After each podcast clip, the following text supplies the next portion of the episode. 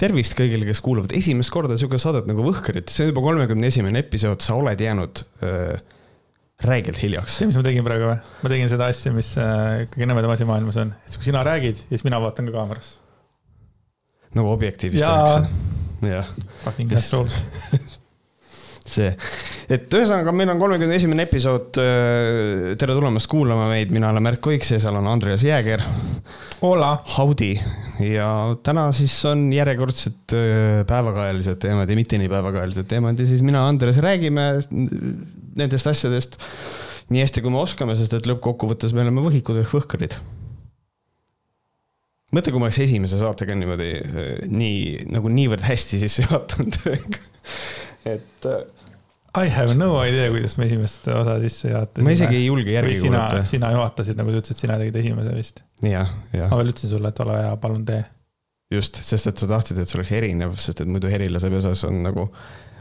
kuigi samas Herilase pesas iga kord sinu see signatuur mm. -hmm. et, et igatpidi läbi nostitud, mis, mis toimub, vaata mis siin toimub, kuule, aga räägi mulle korra, mis sinu elus nüüd toimub, nagu ma aru saan, siis äh, sul hakkab tööaeg pihta. mul hakkab räige tööaeg ja kusjuures viimane info oligi see, et mul, äh, mul on näiteks, mul on juba homme, ehk siis kuulajate jaoks, äh, mul on juba täna proov ja siis homme on juba etendus. kas sa tõmbad täna juba kodu siis või? ei. ikka homme hommikul? ikka homme hommikul jah, aga põhimõtteliselt on niimoodi, et et äh, mul on äh, räme töö hakkab pihta. Äh, pidi olema augusti lõpuni, aga sain nüüd uudise siin mõnda aega tagasi, see oli nüüd vist laupäeval, see oli kolmekümne esimesel. tuli mulle meil, et viis etendust jääb ära seoses siis piirangutega. naljakal kombel on siis Elevandi kõrtsi kõik need etendused, mis on peale uusi piiranguid, mis hõlmavad endas koroonapassi, eh, nende etenduste müük jäi seisma. ja siis põhimõtteliselt eh, need etendused jäid mul ära, ehk siis nüüd mul on kahe ja poole nädalane äh, intensiivne töö hakkab pihta ja kusjuures ma vaatasin spetsiom, nagu öeldakse, vaatasin spetsiom järgi meie graafiku, et äkki, oh, äkki saab saateid kuidagi ümber tõsta veel, kuidagi paremaks ei täpselt mõjutused olid sellised, aga üldiselt see, et viis äh, asja ära jääb, selle üle on mul nagu kahju. Äh, sealt läheb põhimõtteliselt äh, juba teatud arv raha nagu läheb sealt ahju. ligi tuhat eurot põhimõtteliselt. ja et nagu sellest, sellest on kahju küll, aga see teeb mu elu mõnes mõttes natukene lihtsamaks, et nüüd ma ei pea sõitma äh, Narva ja Jäneda vahet autoga, vaid ma saan minna Narva ja elada Narvas ajutiselt ja siis sealt. aga kust sul tekkis see auto sõiduga mitte sina peale olek, minek, jääv, olev, tulev? muidu huvitav lause ehitus oli praegu. miks sul autoga ei meeldi sõita, noh? miks mulle ei meeldi autoga küll. sõita? ma ei tea, mulle lihtsalt ei, ei, ei meeldi tuleb tunnistada, kui mul on valida, kas linnasõit või maanteesõit, maanteesõit sada protsenti, mulle meeldib seda oluliselt rohkem teha aga mulle lihtsalt äh, ei meeldi pikad sõidud väga ja äh, naljakal kombel siis mul õnnestub just siukseid projekte saada, mis hõlmavad endas pikki sõite, et siis mul on nagu, ma ei oskagi täpselt öelda. Äh, muuseas, tegelikult see on nüüd hea koht ka rääkida sellest, et see ei ole seotud minu arki eksamitega, mida ma olen teinud üheksa korda sõidueksamit okay.. see ei ole sellega seotud. see on mulle uus info. see on, see on võib-olla väga paljudele uus info, mis tähendab seda, et never give up.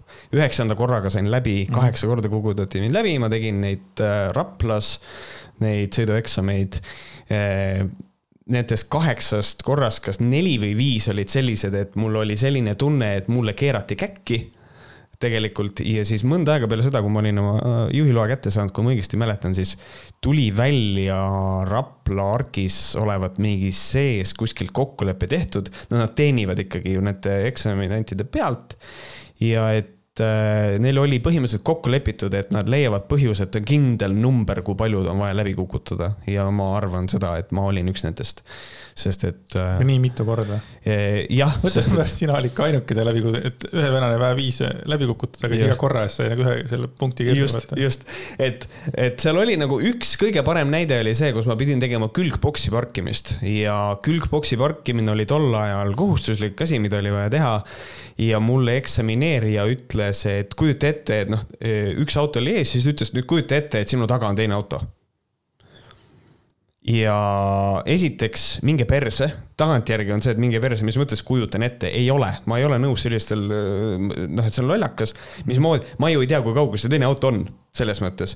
ja, ja oligi niimoodi, et ma tagurdasin küll oma tagumiku külgboksi sisse, mul löödi pidur kinni, plõks ja öeldi, et noh, sa sõitsid tagumisele autole sisse praegu aga oleks ma rohkem tol ajal viitsinud protsessida, siis oleks võinud kaevata selle peale, aga ma nagu ei teinud seda Äh, mitte keegi küsiks, äh, mina kukkusin ükskord läbi, äh, aga mitte sõidueksamil, vaid sellel teoorial.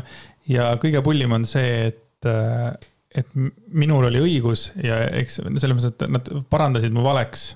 mingisugune äkki oli kolm viga oli lubatud äkki tollel ajal või midagi taolist.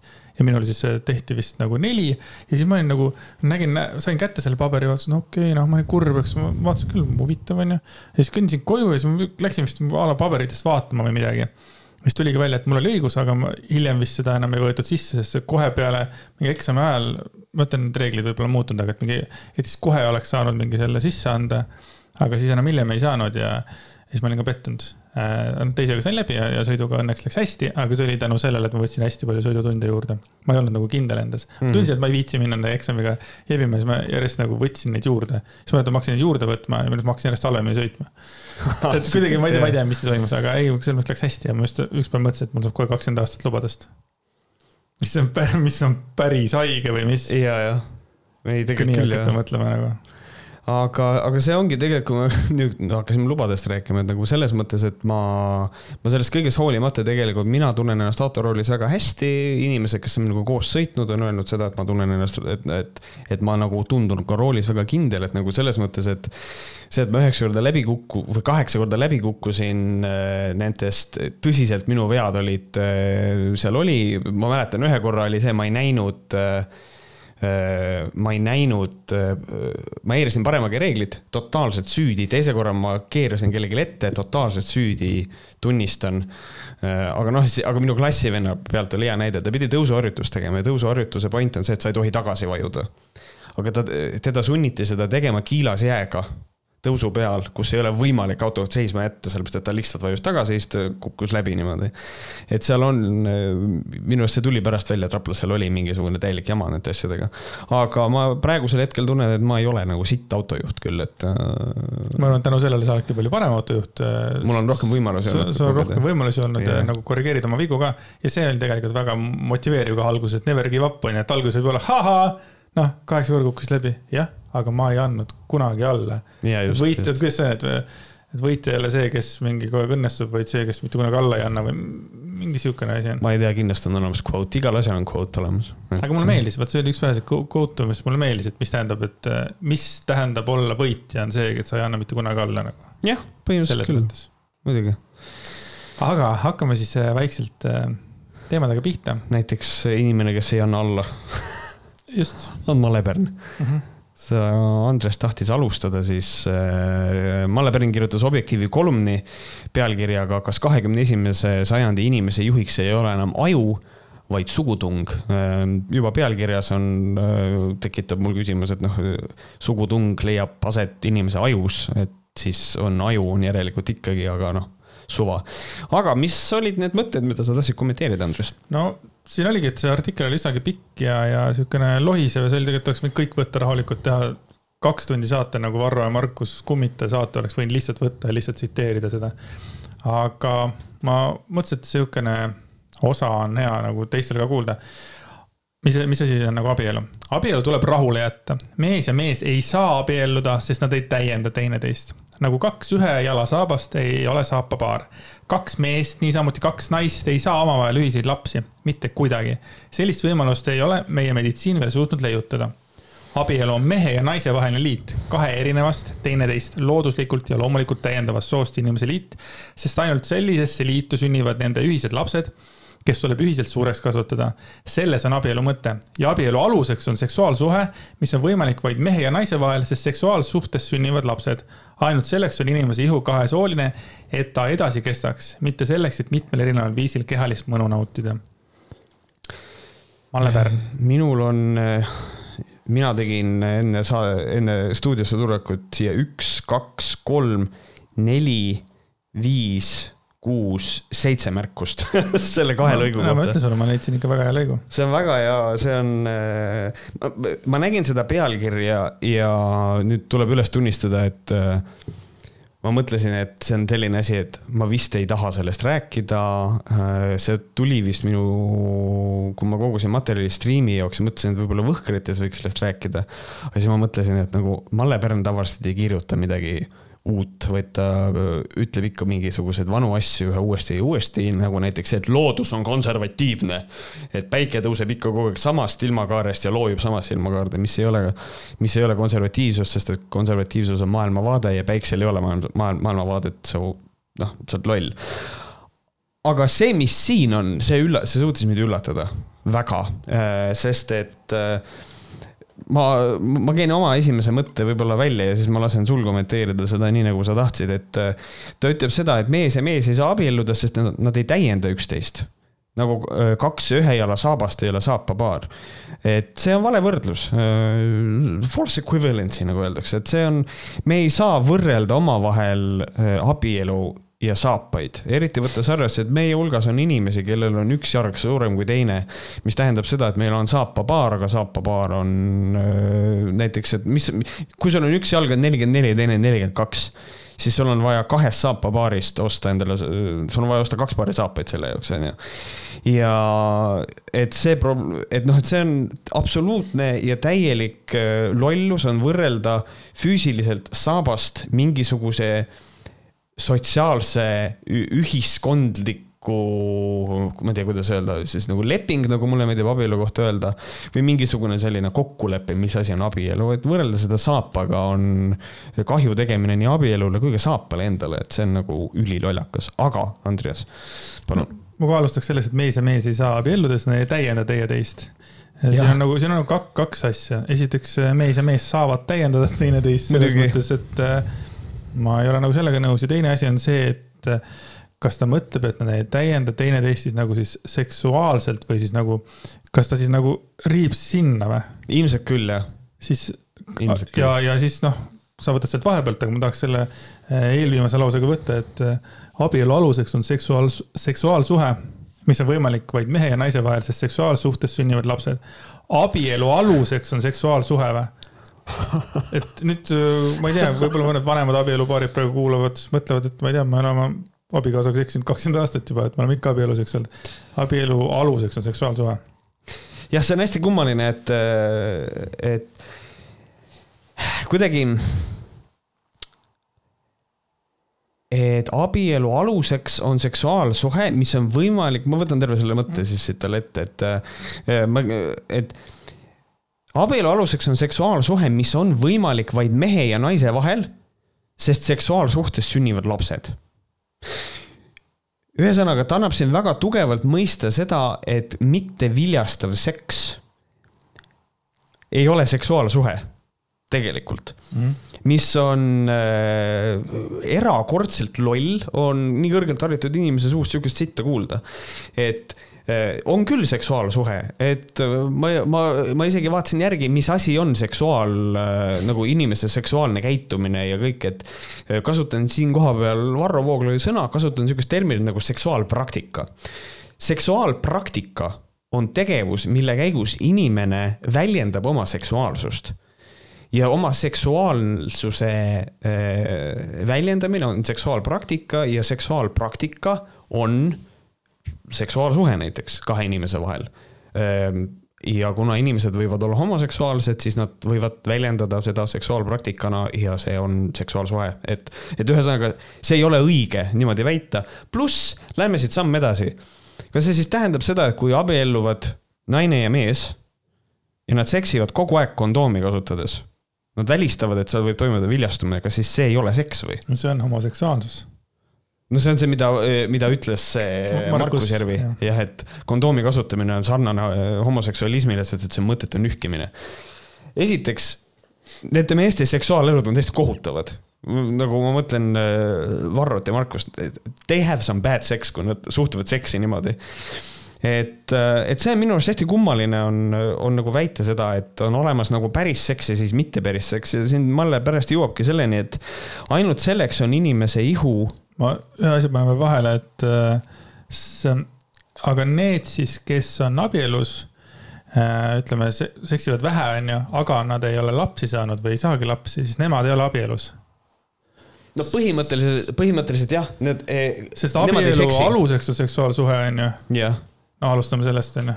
abielu aluseks on seksuaal- ja, ja issand, ma selle peale mõelnud, ikka abielu aluseks on seksuaalsuhe. mitte armastus või, või, või, või mingisugune ja. muu asi, vaid see aga kui ja. me ei seksi näiteks. Äh, või kui me ei seksi või kui me ei seksi vastavalt nendele nõuetele, et seal peab olema äh, Just. viljastumine, siis kas põhimõtteliselt. tegelikult, äh, kas sina üldse oled abielus? mitte, mitte ma ei ütle, et sa kunagi ei seksi, aga noh, no ma ei tea. või ma seksin valesti, vaata, et siin on see mäng ka, et, et jah, see on nagu selles mõttes on see naljakas ja Malle jätkab, et ainult selleks äh, on inimese ihu kahesooline, et ta edasi kestaks, mitte selleks, et mitmel erineval viisil kehalist mõnu nautida. kehalise mõnu nautimine on siis äh, ühesõnaga, kuidas ta nimetab siis sellist tema jaoks mitteseksuaalne käitumine, et ühesõnaga, kui mehed omavahel seksivad, kui naised omavahel seksivad või kui sa masturbeerid, siis nagu see on ka tegelikult mingi mõnes mõttes ikkagi ju seksuaalne praktika. aga et kehalist mõnu nautida, mis on hästi kummaline, sest et kehalise mõnu nautimine on üks viis, kuidas motiveerida inimest ka seksima. kui seks oleks inimese jaoks sügavalt ebameeldiv, siis ei oleks ka äh, seks ise inimestele nii suur, kuidas ma ütlen, äh, asi, mille poole nad nagu tegelikult elus, eriti noored inimesed püüdlevad. et selles mõttes äh, on see hästi kummaline seisukoht. Äh, küll aga ma tahaksin rünnata natukene seda, et ta ütleb, et kaks meest, niisamuti kaks naist ei saa omavahel ühiseid lapsi, siin tuleb välja väga tugev maailmavaateline probleem, sest et saavad küll, nad saavad lapsendada ja see on nende laps, et see on neil ühine laps, nad mõlemad vastutavad selle lapse eest. et selles mõttes saavad küll. ja, ja, ja siis ta lisab, et mitte kuidagi sellist võimalust ei ole meie meditsiin veel suutnud leiutada. minu esimene probleem on kohe, et Malle, ära ütle selliseid asju, sellepärast et nüüd, kui ma loon hüpoteetilise olukorra, ütleme, et homme tuleb välja, et eh, meil ei ole vaja sperme, et viljastada munarakku sellepärast et aastal kaks tuhat üks hiirtega tehti seda. ütleme, et see nüüd inimeste puhul ka võimalik, ütleme, et äh, loode jääb elama ja on võimalik ilmale tuua lapsi niimoodi, et äh, ei ole vaja nii-öelda sperme üldse siis kuidas me siis, kuidas me siis nüüd käitume, sellepärast et äh, Malle jätab siin selle ukse lahti, et noh, meditsiin ei ole veel suutnud seda võimalust leida. kui ta selle ukse niimoodi lahti jätab, siis ma küsin, aga okei okay,, ütleme, et meditsiin suudab seda teha, mis siis saab? Et äh, sellisel juhul tuleks ikkagi nagu väga selgelt sõnastada oma seisukoht, et äh, naine ja mees abielluvad, saavad oma, omavahel geneetiliselt enda lapsed ja siis see on see õige viis, aga ma ei tea, miks ta seda siin niimoodi välja ei ütle, miks ta otsustab nii pikalt selle teemal kirjutada. ja, ja siis niisugune väike asi ka, et, äh, et ainult sellisesse liitu sünnivad nende ühised lapsed, kes tuleb ühiselt suureks kasvatada. selles on abielu mõte et, et jälle tekib minust küsimus, et kas nagu siis nagu äh, need abielus inimesed, kellel ei ole lapsi, kes ei soovi lapsi, kes ei saa lapsi, kas nende abielul ei ole mõtet, nende abielu äh, ei ole alust ega noh, see ei ole ka abielu ja kõik need asjad, et siin käib nagu hästi palju nagu ainult nagu seksi ümber see teema nagu ja, ja laste teema. tegelikult see on mingi kümme rida ja me saime siin juba kümme minutit content'i. kümme rida, kümme minutit, see on väga hea. et äh, ja lihtsalt tahaks täpsustada, et kui ta ütleb, et selles on abielu mõte, siis selles on Malle Pärna abielu mõte, et nagu tema suhtub sellesse niimoodi abiellu, et äh, teie ei pea, teie abielu tähendab iga inimese jaoks, iga erineva inimese jaoks erinevaid asju. ma olen veits nagu lihtsalt pettunud selles, ma ei tea, selles maailmavaates võib-olla isegi vahepeal või miks sellest niimoodi kirjutatakse või kust see nagu tuleb või, või jah, see on, see on tõesti, see on, see on veider. aga lähme lõbusamate asjadega edasi. Yeah, fun, oleneb muidugi kelle jaoks. räägime siis natukene siis, mis ma nüüd ütlen siis, restoranidest ja toitlustuskohtades, kellel on probleeme influencer itega või, või üldse karmide klientidega, kes nõuavad neilt asju. ja ütleme kohe ära, Eesti Päevalehe artikkel, Laura Marlene Jefimov, kakskümmend kolm null seitse on sellise artikli kirjutanud, sealt tulevad andmed. just, et äh, siin on, see algab väga ilusa siukse dialoogiga, mille ma tahaks ette lugeda. ma võtaksin friikartulid. Vabandust, me ei paku siin restoranis friikartuleid. mis mõttes? kas seal kartuleid on? tehke siis. ehk siis nagu sellised kliendid. Äh, mina ei kujuta üldse ette, ma olen, mulle väga meeldib väljas süüa ja ma ei kujuta ette, et ma vaatan menüüd ja siis tellin endale mingi custom asja. ei, ei, ei tule nagu ettegi.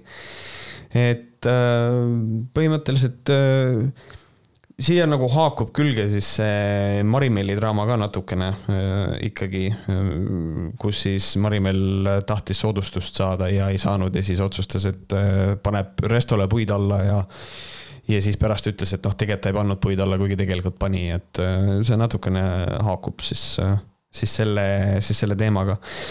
mis on mina, mida mina tahan kohe ära mainida siin on see, et äh, siin on äh, siis üks sihukene äh, inimene nagu Jürgen, kes ütleb, noh, et tal on aastatepikkune teeninduskogemus ja siis tema mainib ära sihukese asja, et tema eredaim mälestus pärineb õhtust, mil armastatud Eesti meelelahutaja oli noore kaaslasega ennestama tulnud ja palus teenindajal minna poodidele sigarette tooma.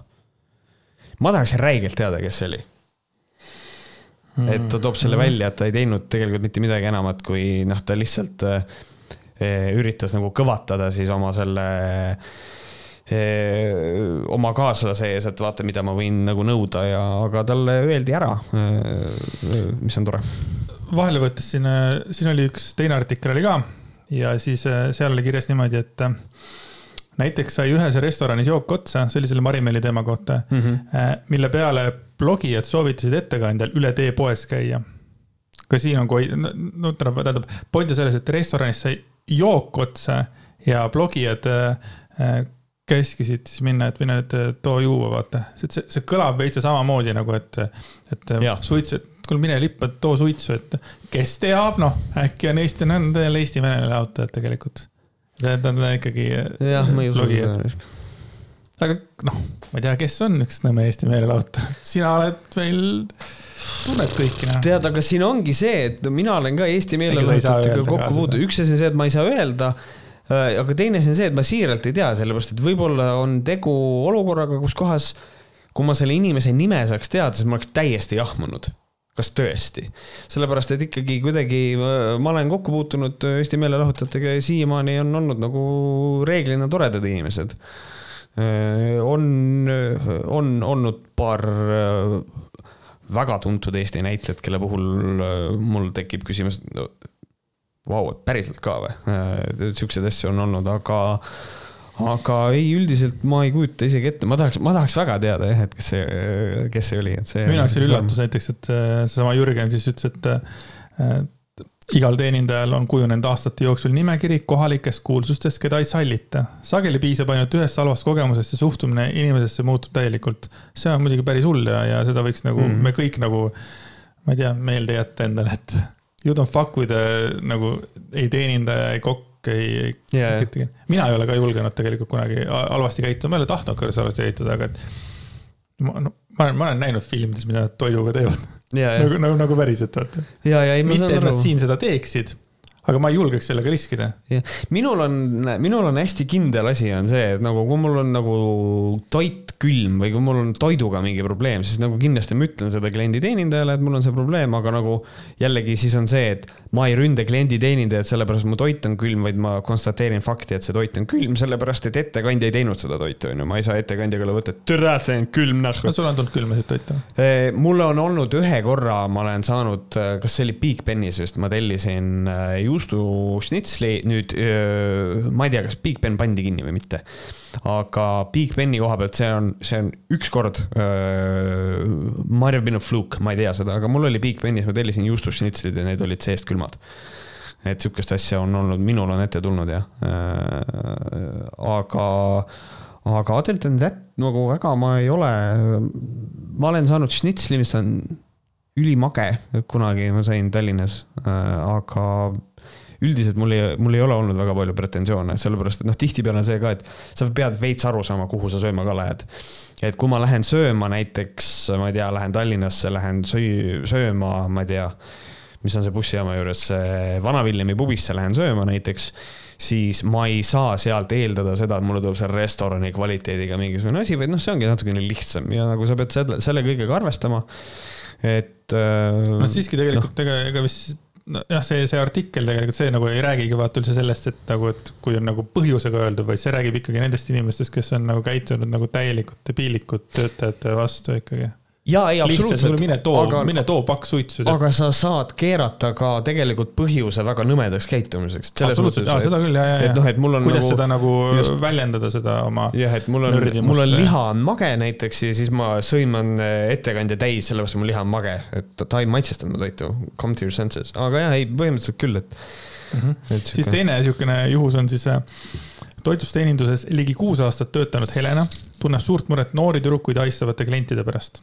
Helena meenutas paari aasta tagust juhtumit, kus baariabina töötanud Liisi oli vanemale noormehele silma jäänud ja pidi tunde pärast söögikoha sulgemist mehe lahkumist suures hirmus ootama olime õhtul juba ühel pool, uksed olid lukus, tegime Liisiga kassat, vaatasime aknast välja, nägime, et kutt seisab õues ja lihtsalt ootab. uksed olid juba pool tundi kinni olnud, aga see mees ei kavatsenudki lahkuda. ütlesin töökaaslastele, et istume seni leti all, kuni ta minema läheb, rääkis Helena.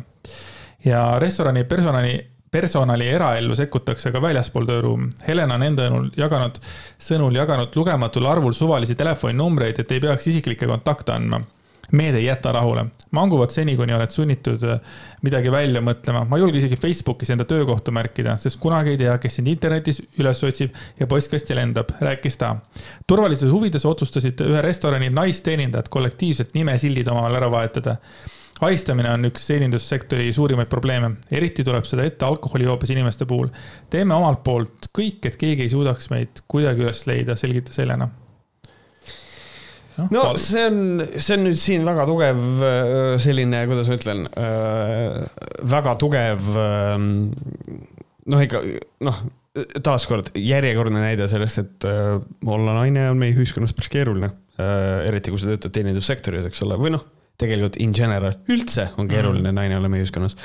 et, ähm, et see on minu arust ikka super creepy, et äh, sa ootad restorani juures äh, kuni restorani kinni pannakse, ootad, kuni ta välja tuleb ja kui ei tule, siis ootad edasi.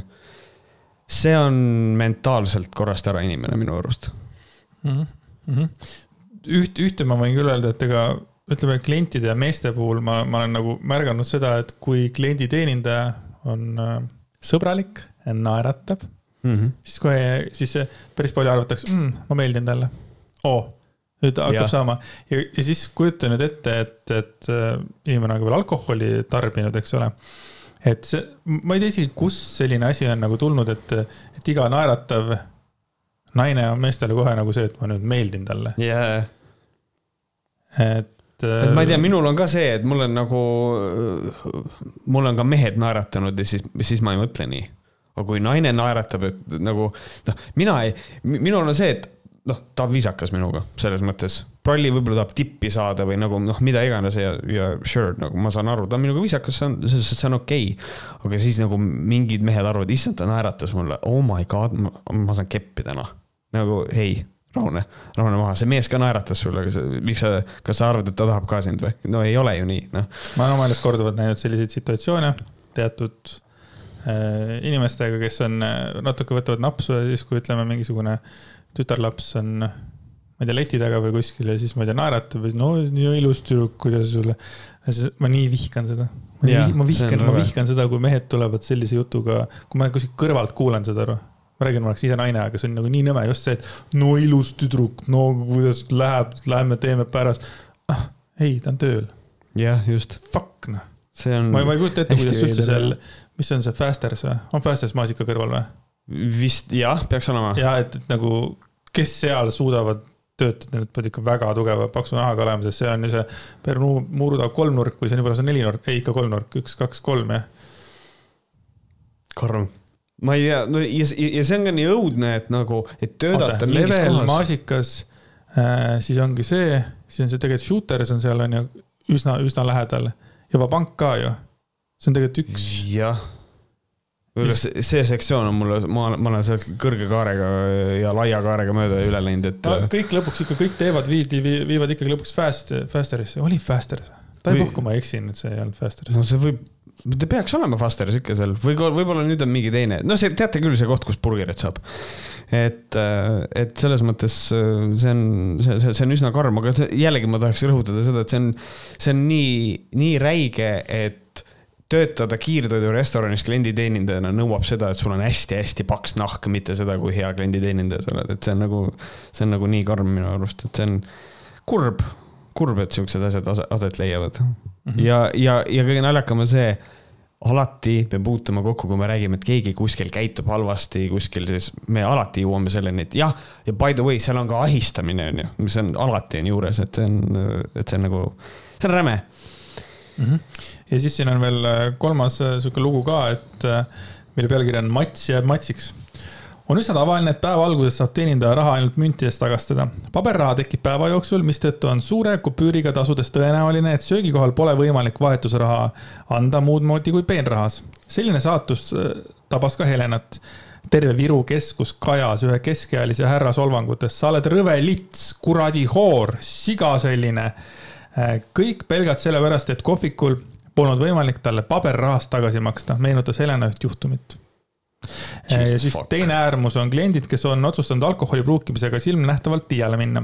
üsna sageli on restorani personal sunnitud inimestele selgitama, et tugevas joobes klientidele ei serveerita rohkem alkoholi. mehe sõna maksab.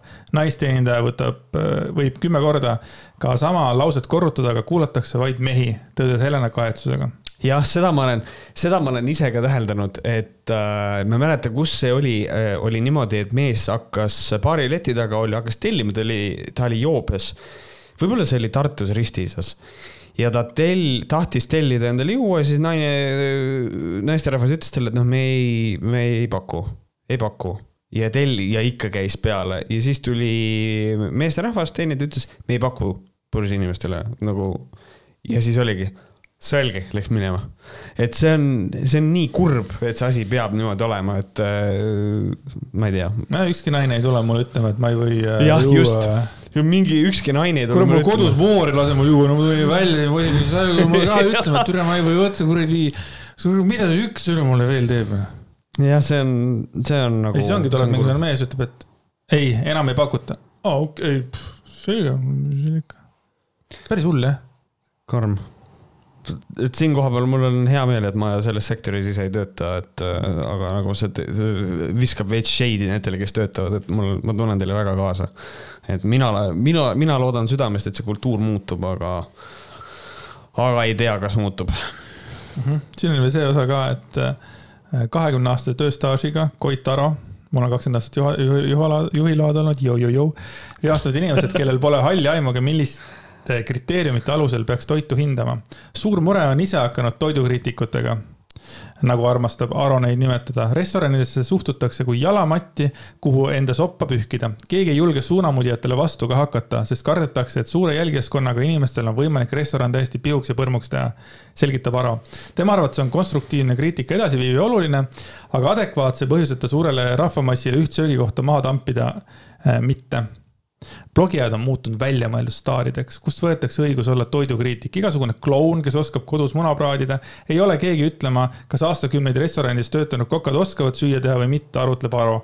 ja see oli ikka puhtalt Mari-Melli pihta. ja ma, arvan küll jah, ja siin on veel, äh, mis ma tahaks, eh, mul on üks kriitika, blogijad on muutunud väljamõeldud staarideks. Ähm, ma ei tea, mida see tähendab, ma ei tea, mida ta üritab siin öelda, selles mõttes välja mõeldud, kõik staarid on välja mõeldud, selles mõttes või nagu noh, ja kuna kõik on välja mõeldud, siis ei ole keegi, et kui inimesel on väga palju jälgijaid, siis ta tegelikult mingis sfääris on staar äh, ja, ja tema sõna on oluline. vahet ei ole, kas see on, äh, see, mis ta räägib, on õige või vale, vahet pole. aga et ma ei saa aru, mis asi see väljamõeldud staar on, ma ei saa aru, mille alusel ta sellise hinnangu annab. ja mida siis tema jaoks see päris staar tähendab, mul ei ole õrna aimugi, aga ma saan aru, see on, tundub niisugune väga emotsionaalne purse ka. ma arvan, et ta mõtleb no. influencer eid lihtsalt äh, kogu see influencer ite punt on niinimetatud väljamõeldud staarid, need on need inimesed, kes ei ole oma äh, nagu oma oskustega äh, siis nagu kuulsaks saanud, nagu Märt Koik on näitleja, nagu Jaagup Kreem on laulja äh, ja nii edasi. Need on nagu need vanakooli staarid, eks ole. noh, ega, ega ongi raske tulla nüüd siia nagu uude aega, kus ongi tänapäeva staarid ongi fucking blogijad, äh, Youtube erid, noh noh, lihtsalt ka influencer'id. veel kolm aastat tagasi ma tõmbasin influencer'it äh, sihukest nagu, või kaks aastat tagasi ka veel, sihukest nagu lihtsalt äh, viha kogu aeg. mul see influencer'ite teema siis tuli, ma, ma, ma, tegelikult ma siiamaani ei ole päris veel sellega leppinud, aga et nagu, et mida sa influence'id, kes sa oled, vaata, kus hakatakse mingisuguseid, hakati mingisuguseid like ostma, mingeid jälgijaid ostma, mingid asjad, et nagu, et noh ei olegi mitte keegi, vaata. et ma saan aru, mida ta mõtleb sellega, et mingisugune isehakanud fucking blogija tuleb sellepärast, et, et talle öeldi ei, hakkab nüüd tegelikult trash ima tegelikult inimeste terve elu, elutööd lihtsalt niimoodi äh, no selles mõttes ma, ma suudan sellest mõttest aru saada, et okei okay,, et, äh, et on, meil on suvaline mees, tema nimi on äh, Joakim näiteks. Joakim otsustab, et tema hakkab, ta on, ta on õppinud, ta lõpetas keskkooli ja siis läks äh, kuskile, üritas äh, kuskile pakasse sisse saada, ei saanud. ja siis hakkas tegema juhutöid ja nüüd otsustas, et küll ma hakkan toidukriitikuks. ja ta pole elu sees ise süüa teinud ja siis hakkab toidukriitikuks ja kritiseerib toitu ja põhimõtteliselt ma saan nagu sellest pointist aru, aga kui Joakim suudab endale koguda nelikümmend tuhat follower'i äh, sellega, et ta on toidukriitik ja, ja inimesed, kes äh, teda jälgivad, on temaga nõus, siis me ei saa teda nimetada väljamõeldud staariks, ta on staar toidukriitikute maailmas selles mõttes ikkagi. et noh, ma nagu selles kohas ei ole. ei no nagu nii nõus. või naa, tekib mul ka küsimus, et kus on siis nagu piir, eks ole, et ega meie ei ole ka ju spetsialistid peaaegu mitte millegi, millest me räägime, on ju. Mhm. noh täpselt samamoodi. ja me oleme samasugused jah. ja samamoodi on ka, ma ei tea, raadiosaatejuhid ja, ja miks mitte ka tegelikult, ma ei tea televisiooni nagu ma ei tea, tähtsad, tähtsad, tähtsad saatejuhid, samamoodi nad ei ole ju selle ala spetsid, eks ole, aga ikkagi nad avaldavad oma arvamust ja, ja mõtteid, eks ole, et. et noh, niimoodi me ei saagi nagu kuhu, niimoodi me ei jõua kuhugile, kui nagu millegist ei või kirjutada, lihtsalt see situatsioon, mis ta ajas selle mm -hmm. Koidu, Koidu nii närvi et, et aga ma, ma saan aru ikkagi, ma ma saan aru, mis ta mõtleb jah, aga jaa, ei, selles on sul ka õigus jah, et mingi nelikümmend tonni, et jah, porksile teeme porks porksiks, on ju, aga, aga ta on suutnud kuidagi oma alguses oma paljuperse piltide ja nüüd siis oma suure, ma ei tea, massimeedia vastasusega ikkagi kasvatada enda seda reach'i ja, ja, ja. et on ka staar, nii mm, kurb, kui see ka, nii kurb, kui see ka ei ole. aga ühesõnaga jah, et siis äh, ma ei tea lõppkokkuvõttes see üleskutse on see, et olge ikkagi kaks asja minu puhul, käite väljas söömas, kui klienditeenindaja on teiega tore, siis ta on teiega lihtsalt tore, see ei tähenda, et tal on ilmtingimata vaja teiega voodi äh, minna, eks ole, ta on lihtsalt teiega viisakas ja tore ja teise asjana see, et olge ka vastu toredad, et need inimesed väärivad austust selle töös, mis mitte nad teevad. vastu toredad, vaid olge esimesena toredad. jah, seda küll, jah. et noh, nemad teevad siis ka oma tööd, mõtle, kui sa teed oma tööd ja keegi tuleb ja on nõme sinuga. jah, just, just. Nagu ebamugav on tööd teha, jah. nagu meil kommentaariumis või keegi on nõme, tere. Nii, kus kommentaariumis? no ikka meie omas, meil oli, meil, meil oli üks ähm, kommentaar tuli meie äh, Keigokes oma osaühingu äh, alt ja, ja, kommentaari kirjutama, see oli suhteliselt naljakas, et äh, me, me pidime olema, äh, meil pidi olema vähe testosterooni. ma olen täiesti kindel, et ühel netikommentaatoril on kindlasti vähem testot kui meil, aga sure, aga. aga kommentaaridest rääkides, ma räägin ühe loo. jaa, just, see on hea eelmine haigushoog, siis äh, me kiitsime Kristjanit, kes äh, ähm, ütleme, et päästis ühe naise ära, kes tahtis alla hüpata silla pealt ja me ütlesime talle, et äh, ta on tubli ja ta on äge ja hurrei. ja kuidagi jõudis temani see info, et me temast rääkisime mm. -hmm. äkki ta on vana kuulaja, äkki keegi lihtsalt sõber soovitas. ja siis ta andis meile Youtube'i kommentaaris teada, et aitäh kiidusõnade eest. ja mina kohe võtsin sellest kinni omakorda, ütlesin, et aga, et äkki viitsid kirjutada meili Võhkarite meilile, et noh, mis seal nagu täpsemalt juhtus.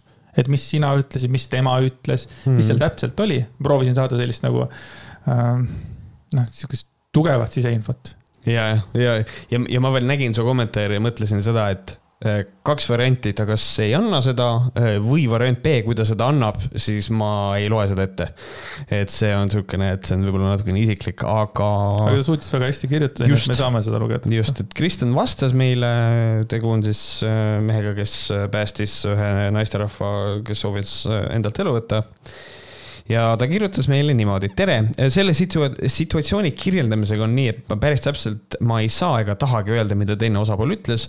pean ikkagi arvestama tema heaoluga samuti, mis on minu jaoks lihtsalt kinnistab seda, et et, et Kristjan on, on absolute hero, et ta nagu siiamaani nagu ei, noh, et see ei kuulu ja ma olen nõus sellega, et las see jääb nende vahele. aga ta jätkab oma kirja niimoodi. samas, noh me keegi ei tea ju, kes see naisterahvas on, on, kes see on ju, et ega mm -hmm. me ei mhm. räägi nagu päris nagu nimeliselt kellegilt, selles mõttes, et kui see, kui ta oleks öelnud täpselt, mida naisterahvas oleks öelnud mm, -hmm. siis meil oleks sinuga vaidlusteema alla, kas seda ette lugeda või mitte. mina äh... arvan, mina oleks tahtnud seda ette lugeda, sest tegu on ikkagi äh, selles mõttes nagu mitte kellegi noh, päris nimega ikkagi jah, aga mina teeksin seda puhtalt selle enda inimese heaolu pärast, et selle, ka see naisterahvas võib-olla. sa oled suur inimene jälle. et, et noh, et kui see temani jõuab, siis võib-olla ta hindab midagi võib-olla üle ja, ja nagu pahasti, mitte nagu võib-olla õiges meeleseisundis. pluss seda enam ka see, et võib-olla need sõnad, mis seal, mida seal kasutati, millest nad üksteisega rääkisid, võib-olla see võib anda vale sõnumi, et need on, et see on nüüd viis, kuidas sellise inimesega rääkida et võib-olla sealt, et oh, et näed, et sellised sõnad aitavad, aga võib-olla mõnes teises olukorras oleks just vastupidi nagu mitte aidanud. True aga Kristjan jätkab seda kirja niimoodi, et tegelikult tulin ma töö juurest, viisin paar asja ära ja tagasi koju sõites kella kakskümmend kolm kolmekümne ajal üle õla vaadates kesklinna silla peal panin tähele, et mis asja, keegi on teisel pool sillapiiret. esialgu arvasin, et silmab ette ja eh, viskasin üle õla kiiret pilgu tagasi. kui vaatasin, et ongi asi nii, et inimene teispool piiret, siis lõin pidurid põhja ja tagurdasin kiirelt tagasi. auto jätsin keset silda sõitma, tõenäoliselt olid inimesed selle peale ka pahased. lasin akna alla ja küsisin lihtsalt, et mis mis teed seal, et tule tagasi siiapoole.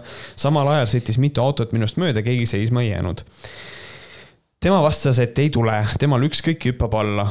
asjad olid tal asfaldi peale visatud, no ja siis edasist ma tegelikult ei mäletagi väga täpselt, mis toimus. ütlen kõrvale, mis on väga tõenäoline, et, et nagu sellel hetkel on inimene ka ise nagu Kristjan ilmselt kerges afektiseisundis juba. ma lihtsalt läksin autost välja ja hakkasin temaga rääkima. ütles, et juhtus midagi, mis pani teda seda tegema. las kõik olla nii, et ja ma panin taskus telefoni auto pagasiluugile ja hakkasin tema poole minema. Telefoni panin sellepärast pagasiluugile, et kui oleks olnud halvim, eh, siis ma oleks kohe järgi hüpanud, which is insane. et nagu selle hetkel ma panen telefoni pagasniku peale, sellepärast et äkki ma pean järgi hüppama. jaa, aga vaata, kui tubli ta hoolib oma telefonist ka veel. jaa, ta hoolib ka telefonist. telefonist hoolitakse. pluss teine asi on see, et uh, lukk nuppu ei ole vist vaja maha võtta, et helistada üks, üks, kahte.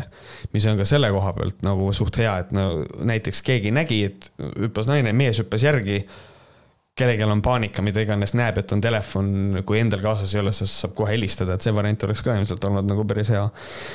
ja jätkab siis, et ähm, ta oli varba otstega alumise toru, toru peal ja äh, näpuotstega hoidis ülevalt, äh, kiigutas end äh, edasi-tagasi. rääkisin ja uurisin ja liiklusin aeglaselt tema poole, kuniks olin kindel, et saan temast kiiresti kahe käe alt kinni haarata ja jällegi samal ajal möödus inimesi minust. hoidsin siis temast kinni, ühe käega proovisin kutsuda kedagi appi, mitte keegi ei tulnud, üks auto jäi minu auto taha seisma ja seal istuv mees kutsus politsei. Õnneks möödus samal ajal sealt üks mu tuttav ja kohe hüppas tema autost välja ja tema abiga saime naise jõuga tõmmatud tagasi selja peale. siis tuli juba kolm politseiautot ja andsime naisterahva ametnike kätte. vot selline olukord oli, parimat, äh, Kristjan Kask ja aitäh kirja eest. Äh, see on endiselt äh, minu arust oled, oled sa kangelane. ja siin linnukene siristas mulle veel kuskilt mujaltki, et Kristjan olevat ka päev või kaks hiljem varga kinni, kinni püüdnud selles mõttes, et Not all heroes wear capes, eks ole. just, et äh, selline et.... me teeme Kristjanile teise shout-out'i nüüd. Teine shout-out Kristjanile, et lihtsalt ta on Tartu Batman tuleb välja. et äh, ma olen Kristjan. oot, Pärnu oli. Pärnu. minu arust oli Pärnu äh,. jääme vastuse võlgu. pohhui, ta on ta on ka Tartu äh, Batman, ta on Eesti Batman. ja Tallinna ja Rakvere. just, et ta on, et, et selles mõttes ikkagi peaks äh, väga tugevalt kiitma Kristjanit, et, et suurepärane, äh, väga hea töö. ja, ja naisterahvas, ma loodan, ka tunneb ennast paremini, kui ta antud hetkel ennast tundis, et, et lõppkokkuvõttes kõik nagu läks ikkagi hästi mm. -hmm. superhero ma tahtsin kohe vaadata, kes selle järgmise artikli kirjutas, aga mul ei avane. sul ei avane? oota, oota, avanes küll, tahtsin öelda, ahah, Jaan Martinson. ma, ähm, võtame järgmise teema, niimoodi ma läksin üle siis jah, Äh, Jan Martinson äh, tegi siis artikli ühest olümpia mm, siis äh, olümpial osalejast, aga see Mhm. algas niimoodi. tumedanahaline ja avalik lesbi.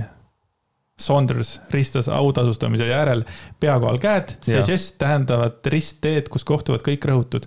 esimene, mul esimene mõte oli see, kas kohe nagu kõige olulisem asi on see, et, et ta on avalik lesbi või? mida see annab sellele juurde, kas see nagu ei ilmu või kas see nagu see, kas see nagu ei tule selle artikli jooksul nii või naa, eks ole, välja või, või kas üldse on, on, on vajalik nagu seda kohe esimese asjana öelda või? tumedanahaline ja avalik lesbi. jah, see on natukene nagu naljakas, võib-olla ma ei tea, risk, see on, noh, see ei ole, see ei ole selles mõttes nii räme kui nagu, ma ei kujuta ette, kui Peep Pahv oleks selle kirjutanud, siis ta ei ole kindlasti räme, lihtsalt nagu huvitav, et aga see on kuidagi natukene naljakas minu jaoks küll jah, et äh, no igatahes ei äh, siis äh, avalik lesbi Saunders ristab autasustamise järel pea kohal käed. see žest tähendavad ristteed, kus kohtuvad kõik rõhutud, okei okay,, seda ma lugesin juba mm. -hmm. Twitteris säutus ta, kui oled tumedanahaline LGBTQIA pluss või vaimsete proble- probleemidega, siis see medal on sulle. mis see IA seal lõpus on? peaks tähendama, IA peaks olema, I vist on intersex ja A ma ei tea seda praegu peast, kas, kas nad võtavad asexual'id enda ma alla? just tahtsin ka öelda, et äkki ei seksuaal. igatahes point on selles, et äh, ei ole lubatud tegelikult äh, olümpial sellised asjad nagu usulised, poliitilised ja rassismivastased avaldused äh, nii ei tseremooniatel ega ka spordiväljakutel. ja sellepärast nagu see teema nagu tuligi üles, et see, ta ikkagi nagu rikkus reegleid. ja siis, kui seda teemat hakati nagu siis arutama, et mis saab, siis nagu avalik lesbi Mhm. Sanders ütles sihukese lause. proovige minult medalit ära võtta, hüppan üle barjääride vette, kuigi ei oska ujuda. Siis on Martin seda naljakalt kirjutanud. samas oli ta hõbeda pühendunud tumedanahalistele ja seksuaalvähemustele, mistõttu oleks ära võtnud ka neilt, oleks ära võetud ka neilt. jah, mul on, mul on nii palju vastakaid tundeid kogu, kogu, kogu, kogu kirjatüki. mingisugune nagu, sa saad aru, et võib-olla nagu selle, kes selle kirjutas, võib-olla endal on mingisugune niisugune, võib-olla oli kerge muie näol, kui kirjutas või ma ei kujuta ette. aga, see on nagu natuke nagu kuidagi kavalalt nagu ikkagi kirjutatud, selles mõttes tõesti, et, et kui ta nagu selle kõigile pühendas, et me võitsime nüüd medali, vaata, et kui ma nüüd vette hüppan ära suren, et siis on kõigilt medal kadunud, vaata. Mhm, just, mis just. kasu tooks see. ja igatahes point on selles, et kõik äh, läks hästi ja USA olümpiakomitee aval-, tegi avalduse, kus öeldakse, et delegatsioon juhindub olümpiahartast ja Tokyo mängudeks kehtestatud reeglitest. uurimise tulemusena leidsime, et äh, Raven Saunders väljendas pärast medalitseremooniat rahumeelset toetust rassissi, rassi, rassilisele just, ja sotsiaalsele õiglusele, austas konkurente ega rikkunud sellega reegleid, nii et äh, ei saanud äh,, ei saanud siis karistada. ei saanud karistada ja minu arust on see ka õige, et äh, mina leian seda, et kui me räägime sellistest asjadest äh, üldiselt, kui me lubaksime olümpial poliitilised statement'id, siis see tooks endaga kaasa päris äh, suuri probleeme. kas need öö, on nüüd, kas see on poliitiline statement, ma leian seda, kui keegi rõhub inimõiguste kaitsele, siis ma leian, et see on nagu, kirjutab sellise asja üle. mina tahan, et keegi loeks, kuulaks kõik Võhkarite osad ära, loeks ära, mitu korda olen eksinud lugemise ajal mina ja mitu korda on eksinud Märt. oh,. ma ei tea. mul on Aga- siuke tunne, et mingisugune neli tuhat ja siis sinul on mingi kaheksa. võib-olla, võib-olla. mul on mingid sõna on alati vaata, millega ma ei saa hakkama, siis on assign, assign, assign. Assignment. et äh, kusjuures, kes ei, nüüd ma täpsustan üle. I tähendab äh, intersex ja A tähendab asexual või ally või siis ally, oleneb sellest, kuidas keegi hääldab. mis tähendab siis kõiki neid inimesi, kes ei kuulu nagu nende esialgsete tähtede alla, aga pooldavad nende seisukohta, nii et põhimõtteliselt tegelikult siis võib öelda, et äh, ka meie läheme selle A-tähe alla tegelikult. vähemalt mingisuguse äh, sellise, mingisuguste reglementide järgi, prolli. aga nüüd me siis võib-olla räägime siis võib-olla põgusalt äh, sellesama artikli kommentaaridest. lihtsalt, et noh, välja tuua seda, et people are fucking insane. alustaks sellest, et on selline kommentaar, mis ütleb, tähendab kõiki reegleid võin rikkuda, kui seda teha piisavalt rahumeelselt. muidugi ainult sel juhul, kui tegemist on N-word eh, või tehakse homopropagandat. Eh, mis on minu jaoks kohe nagu eh, no tegelikult, tegelikult nagu väga ilusasti inimene pani nagu selle, et ja sa võid teha asju, kui sa oled piisavalt rahumeelne ja kui su süda on õiges kohas ja sa tegeled selle asjaga, mis on nagu see, mille, mille poole me nagu püüdleme, ehk siis see, mis on õige. kui sa lähed ja viskad, ma ei tea, Sieg Heili näiteks, sa saad kuldmedali, viskad Sieg Heili, siis see on rahumeelne, aga see on see on väga problemaatiline, et seda ei tohiks nagu teha, et nagu, sest et see ei ole õige ja, ja see on kole. muidugi minu seisukohad on väga kallutatud siinkohal, et nagu selles mõttes minu arust äh, mingi genotsiidi üleskutsumine ei ole nagu äh, hea mõte või mingi white power movement'i näidata, mida tavaliselt Sieg Heili viskavad inimesed nagu armastavad.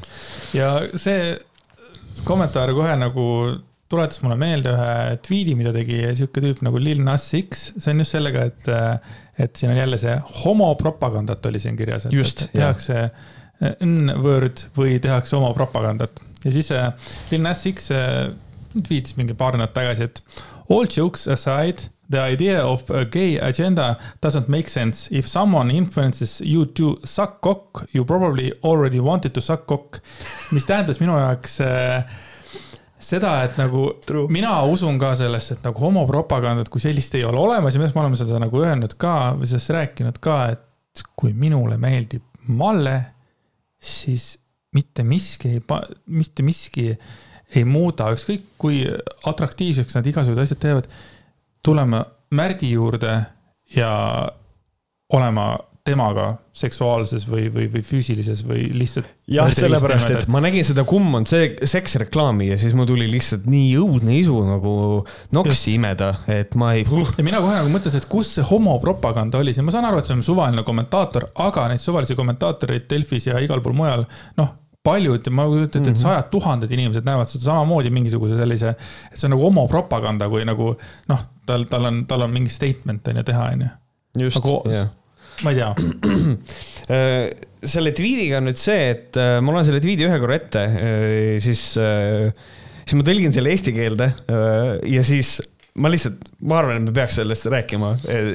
Andres pani selle Google Translate'i ja see tuli palju naljakam et ühesõnaga, originaalne tweet on see. All jokes aside, the idea of a gay agenda doesn't make sense. If someone influences you to suck cock, you probably already wanted to suck cock. mis eesti keeles on see, et no ideeliselt, et noh, et kõigepealt nali naljaks, ideeliselt on homoagenda ajuvaba, kui keegi mõjutab sind riista imema siis sa ilmselt juba tahtsid riista imeda. me oleme Andresega sellega ilmselt nagu nõus yeah.. ja nüüd Google Translate aga ütles, et see tweet tähendas kõik naljad, kui jätta kõrvale homode tegevuskava, ei ole mõtet. kui keegi mõjutab sind kukke imema, siis ilmselt tahtsid juba kukke imeda saad aru, ma juba, ma naersin ennast nagu segaseks, siis kui ma nagu panin selle Google Translate'i, ma mõtlesin huvi pärast, et vaata, mis, kuidas ta on ja siis oligi. kes tahaks imeda? ma saan aru ka. ja, ja ei, see on äge. see tõlge on äge ja, ja, ja jah siis äh, teine asi äh,. võta mõlemad, ma võtan ise. et äh, see järgmine kommentaar oli see, et see olümpia läheb sama rõvedaks kui Eurovisioon jah, nii, siis mina hakkan mõtlema selliste meeste peale nagu Peep Pahv ja, ja siuksed eh,, siuksed mehed, ülekaalulised mehed, kes on igas muus asjas oma elus läbi kukkunud. Nad on tahtnud võib-olla olla sportlased, nüüd on nad spordiajakirjanikud ja siis nad on nagu solvunud, kui mingid asjad muutuvad natukene. ja siis nad on võib-olla pahased selle peale, et nüüd meil on teatejooks, kus on pooled mehed ja pooled naised, what is up with that? ja nüüd on nagu kujuta ette, et nendelt meestelt võetakse ära olümpiaga nagu, nad ei saa enam ennast hästi tunda, sellepärast et kuldmedali võib-olla võitis keegi, kes on homo. Holy shit. ja see on minu jaoks lihtsalt eh, homeeriliselt naljakas ja you know what? Fuck you, eh, kui olümpia ei sobi sulle enam, kindlasti leiad midagi muud, mine hakka kommenteerima siis, ma ei tea, kohalikke spordivõistlusi, kus osalevad sellise kehakaaluga inimesed. aga mina näiteks ei tea, kumb nüüd tegelikult peaks rohkem solvama, kas eh, olümpia või Eurovisioon see olümpia läheb sama rõvedaks kui Eurovisioon ehm,. Eurovisioon ja olümpia Eurovisioon tegelikult on ju palagan, noh, ta olnud terve elu, terve, terve, terve, terve okay. viimased mingi nelikümmend aastat on olnud palagan. ma annan selle sulle ja Eurovisioon on palagan.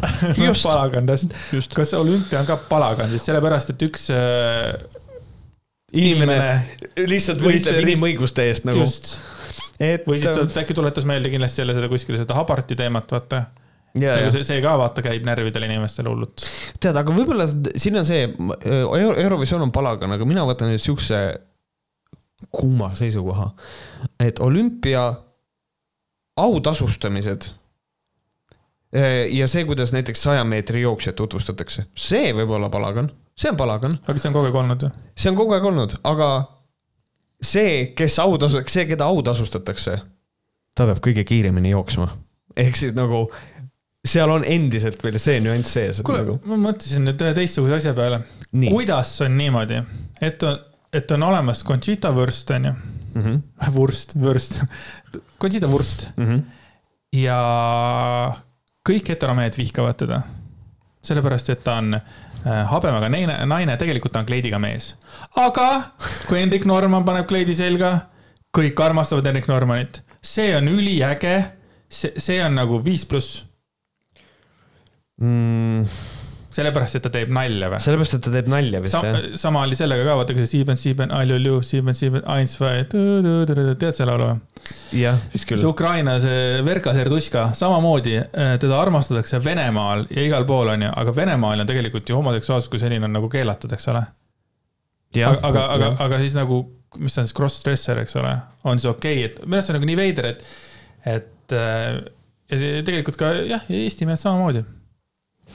Huvi pärast ma lihtsalt mõtlesin, ma korra vaatan seda mm,. et Conchita Wurst on nagu väga huvitavas positsioonis, et ma praegu vaatasin äh, seda, et ta ei ole transnaine, ta on cis-mees ja ta ennast näeb kui drag queen'i ja ta kasutab pronoun'e she ja her. Äh, ehk siis äh, see on niisugune äh,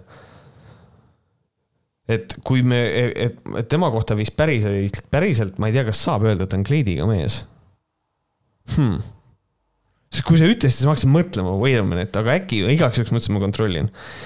et ta ikkagi iseennast äh,, ikkagi ta leiab, et ta on cis-mees. sa tahad öelda, et kõikidel on siis olnud õigus, et ta ongi habemega naine või? ei, sest kogu aeg vaidlen inimestega. ei, sest et ta ikkagi ise ütleb, et ta on cis-mees, järelikult ikkagi on habemega mees, kuigi ta kasutab she-her pronoun'e, aga noh, see on pronouns are pronouns, et nagu vist ei ole vale, aga ma arvan, et selle koha pealt. igatahes küsimus siis selles, et kas siis nagu kui mees paneb kleidi selga ja Tanel Padar teeb Tiina Turnerit, siis see on acceptable.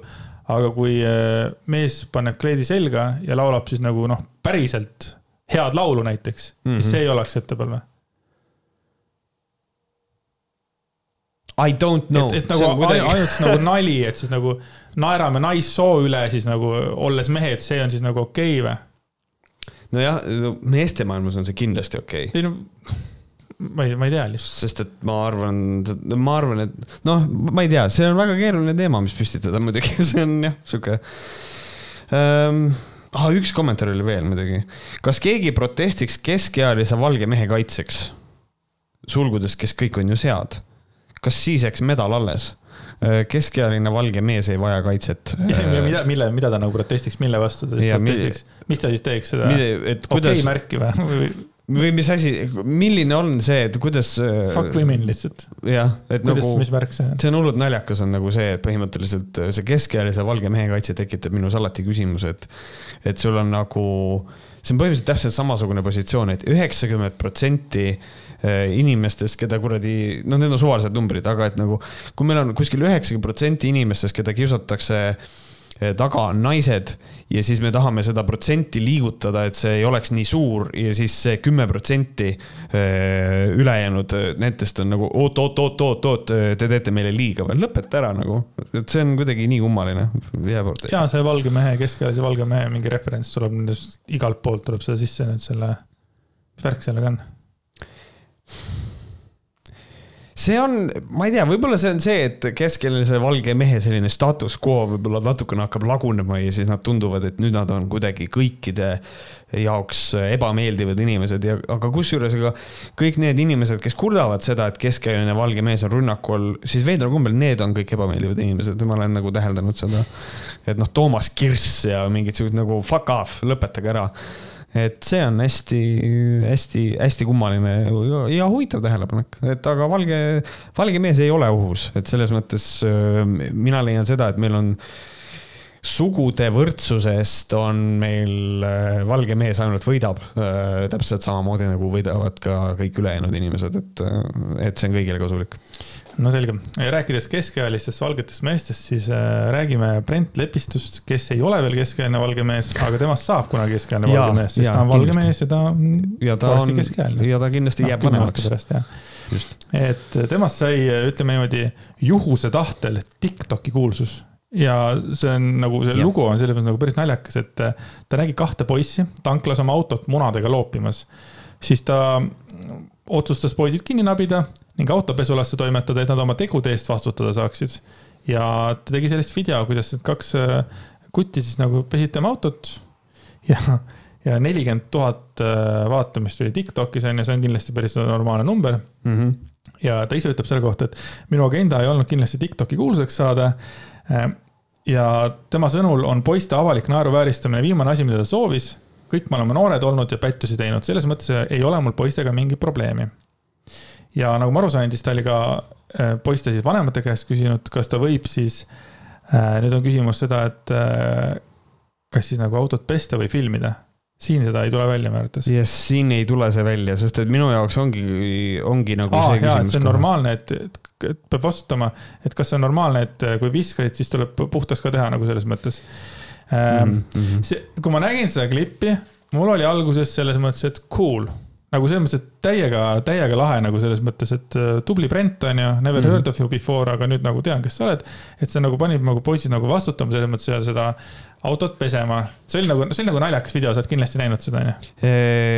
jah, olen küll mm. -hmm. vabandust, no see oli kuidagi sihuke naljakas aga siis oli teine osalemine, ma hakkasin mõtlema, et okei okay,, aga, aga see on tegelikult ikkagi avalik häbivääristamine. ja, ja, ja ma saan aru, et poisid on äh, nagu tegid pättust, on ju, nad krutskid täis ja see on, see on täielik sigadus selles mõttes, et noh, see on nagu õige asi, et nad vastutusele võeti, vastutusele võeti, on ju.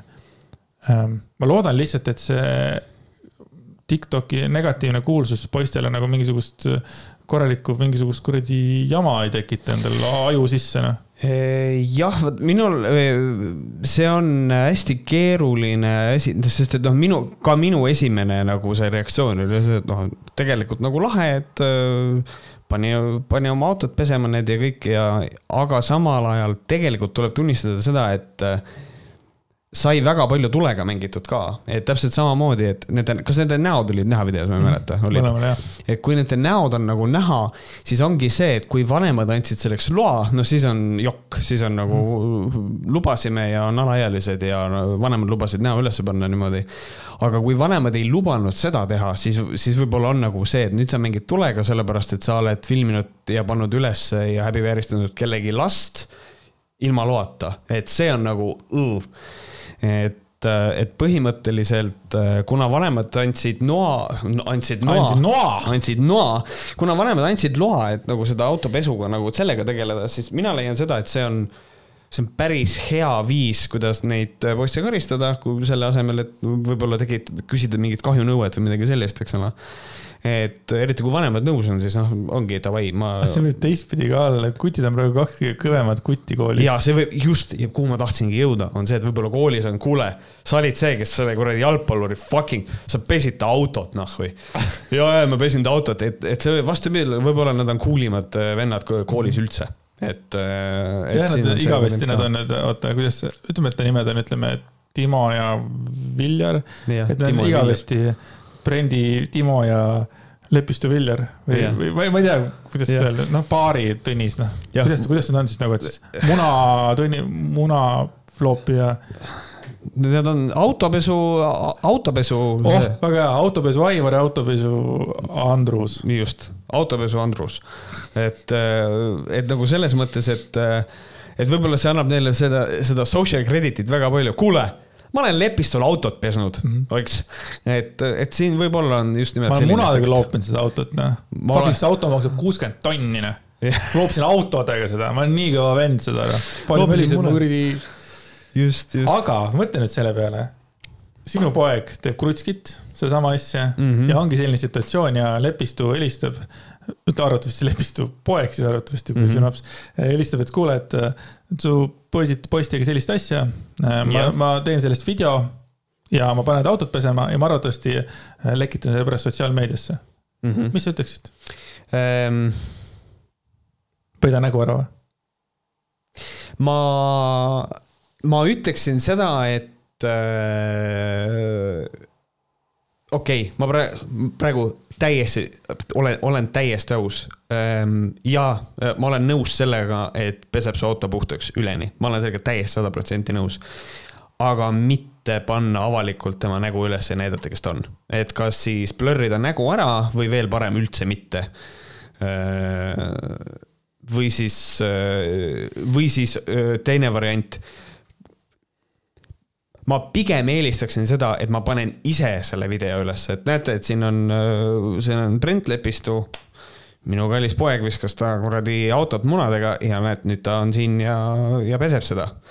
et meil saime ilusasti kokkuleppele nüüd, kuidas, kuidas autot pesta meeldib, väga ei meeldi, no siis ära loobi munadega järgmine kord. noh, mingi selline lahendus, aga ma arvan, et mulle ei meeldiks, kui, kui ta paneks minu lapse näo niimoodi ülesse tegelikult aga ma ei, ma ütlen seda praegu et, et ma ei tea, kui mu kunagine laps hakkab kellegi autosid munadega loopima, siis ma, siis, siis ma hindan seda asja uuesti. ja see ongi selles mõttes loll hüpoteetiline küsimus ju, et noh, see situatsioon no, ongi nagu. ei ole, sellepärast et noh, mina praegu tunnen niimoodi, et äh, ei, ei ole loll isegi, ma ei ole nõus sellega väga õigustatud küsimus. okei okay., ei aitäh sulle, ma lihtsalt nagu kohe hakkasin nagu ise mõtlema, et äh, minu käest muidu keegi kunagi ei küsi seda, et aga mida sina teeksid, aga mina, mina nagu mõtlesin just selle peale, et noh, kui minu tütar teeks, on ju, siis koerast, on ju, siis siis ma ei tea, vaata, kui selline asi tuleks välja ja ta ei oleks küsinud seda, et üldse seda, seda videot lekitada, ma oleks ta üles otsinud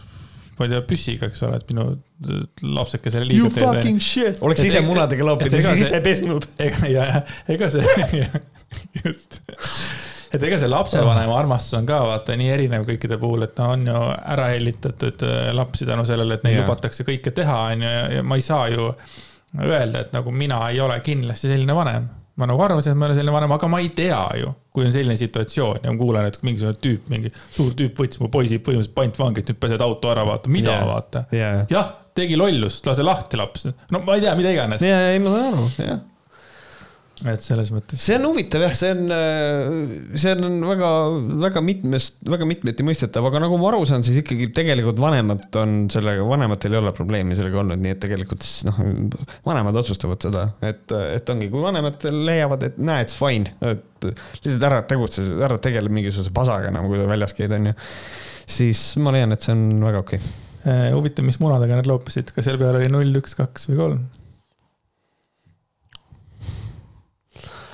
Ma loodan, et need olid äh, mitte puurikannade omad, sellepärast et see tähendas, et puu, äh, see, see tähendaks, et nende puurikannade kannatused veel olid mingisuguse täiesti äh,. ja, ja kui, ja kui need ei olnud puurikannad, siis mõtle, kui palju tööd pidi tegema see üks kana, et see muna välja saada selles suhtes ja, ja nüüd järgmine, need kaks poissi töötavad kuskil kanafarmis ja peavad kanadele süüa ette vedama, sellepärast nad raiskasid mune. see on ka. et see oleks väga õiglane, see oleks õiglane karistus. jah, ja siis, ja siis tuleb välja, et need kanafarmid, neid on riik kuidagi toetanud ja siis nad, need poisid saavad ministriteks, wait a minute.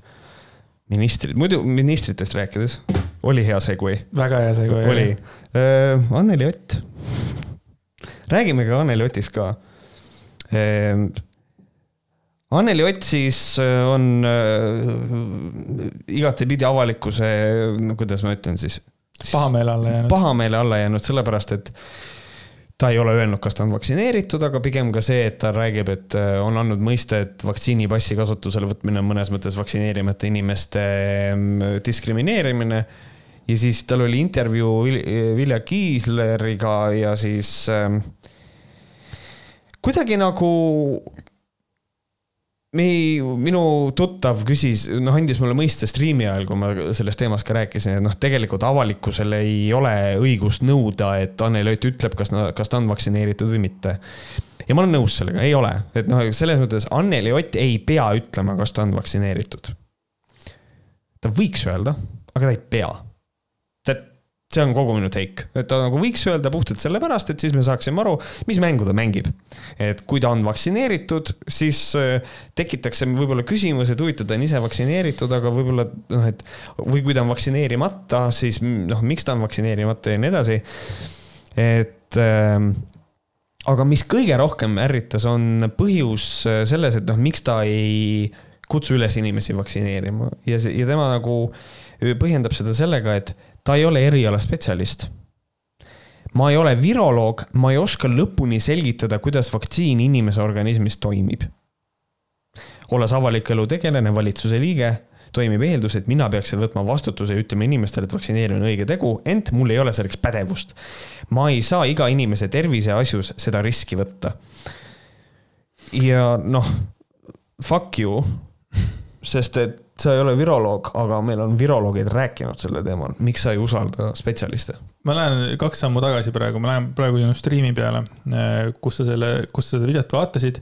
siis sa minu arust sa lasid ka selle lause, selle sa olid nagu mööda, et sa nagu ei sa läksid Anneli Oti peale endast välja mingi paar striimi varem, kui ta ja. tegi äh, rumalaid otsusi, aga see oli ülirahulik äh, selle striimi ajal. ma nagu vaatasin sinu striimi, see on mm -hmm. nii palju striime on mängus praegu, vaatasin striimi ja mõtlesin, nagu tegelikult ka või miks sa nüüd nii rahulik oled?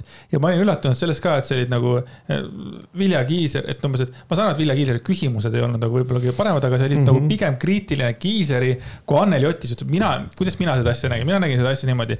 jah, Kiisler äh, rääkis ümber augu ja ta rääkis ainult seda ühte sama juttu, aga ta rääkis seda ühte sama juttu sellepärast, et üks inimene ei vastanud küsimusele, ta proovis siit, ta proovis sealt, ta proovis nurga tagant, eks ole, mingil põhjusel oli tal nii oluline seda teada saada yeah.. aga see, kuidas sa Anneli Ott lihtsalt, ta tegi Jüri ratast. see oli jah, selles mõttes, et kümme minutit me ei olnud mitte midagi teada saanud sellest yeah. intervjuust, selles mõttes, et äh, nad olid parajad selles mõttes vastused ja ei, et aga aga see, kuidas nagu pärast nagu, kuidas, kuidas nagu Varro üleüldse nagu, Varro jagas seda, kuidas hüsteeriline ja ma ei tea, ründas ja siis jälle seal äh, Vogelberg ja kõik nagu ütlevad, et nagu Vilja Kiisler nagu ründab ja ma ei tea ahistab ja mida yeah. iganes. nagu tegelikult ka arvestades sellega, et nagu ma olen ka Vilja Kiisleri videosid või neid intervjuusid näinud, on ju, ma olen ka näinud, kuidas ta nagu võib mõnikord jätta mulje, et ta on hüsteerik, on ju. noh mm -hmm., mõndade inimeste jaoks. aga. mis ei tähenda, et on. jah, mis, ja minu arvates nagu see intervjuu, ta oli ülirahulik, arvestades selleks, milline soust'i tegelikult see äh, Anneli Ott nagu terve aeg ajas, ma oleks ammu kaotanud igasuguse mm -hmm. enesevalitsuse lihtsalt, kui ta lihtsalt tahab joorupit, ma ei ole kohustatud vastama, blä-blä-blä-blä-blä mis sul viga on? ütle, kas sa oled või ei ole, täpselt nagu seesama, sa ütlesid, et, et siis me teame, kus sa nagu seisad oma sellega, on ju. ja siis hakkas mingi, ja siis tuligi see üks lause, millega ta kaevas enda augu lihtsalt nii sügavale, et see intervjuu võib-olla oleks isegi mööda, mööda läinud sellest peavoolumeediast ja, ja ka mitte peavoolumeediast, aga jah, see tõesti, et ma ei ole eriala spetsialist, ma ei ole viroloog, ma ei oska lõpuni selgitada, kuidas vaktsiin inimese organismis toimib mm, -hmm. mida perset.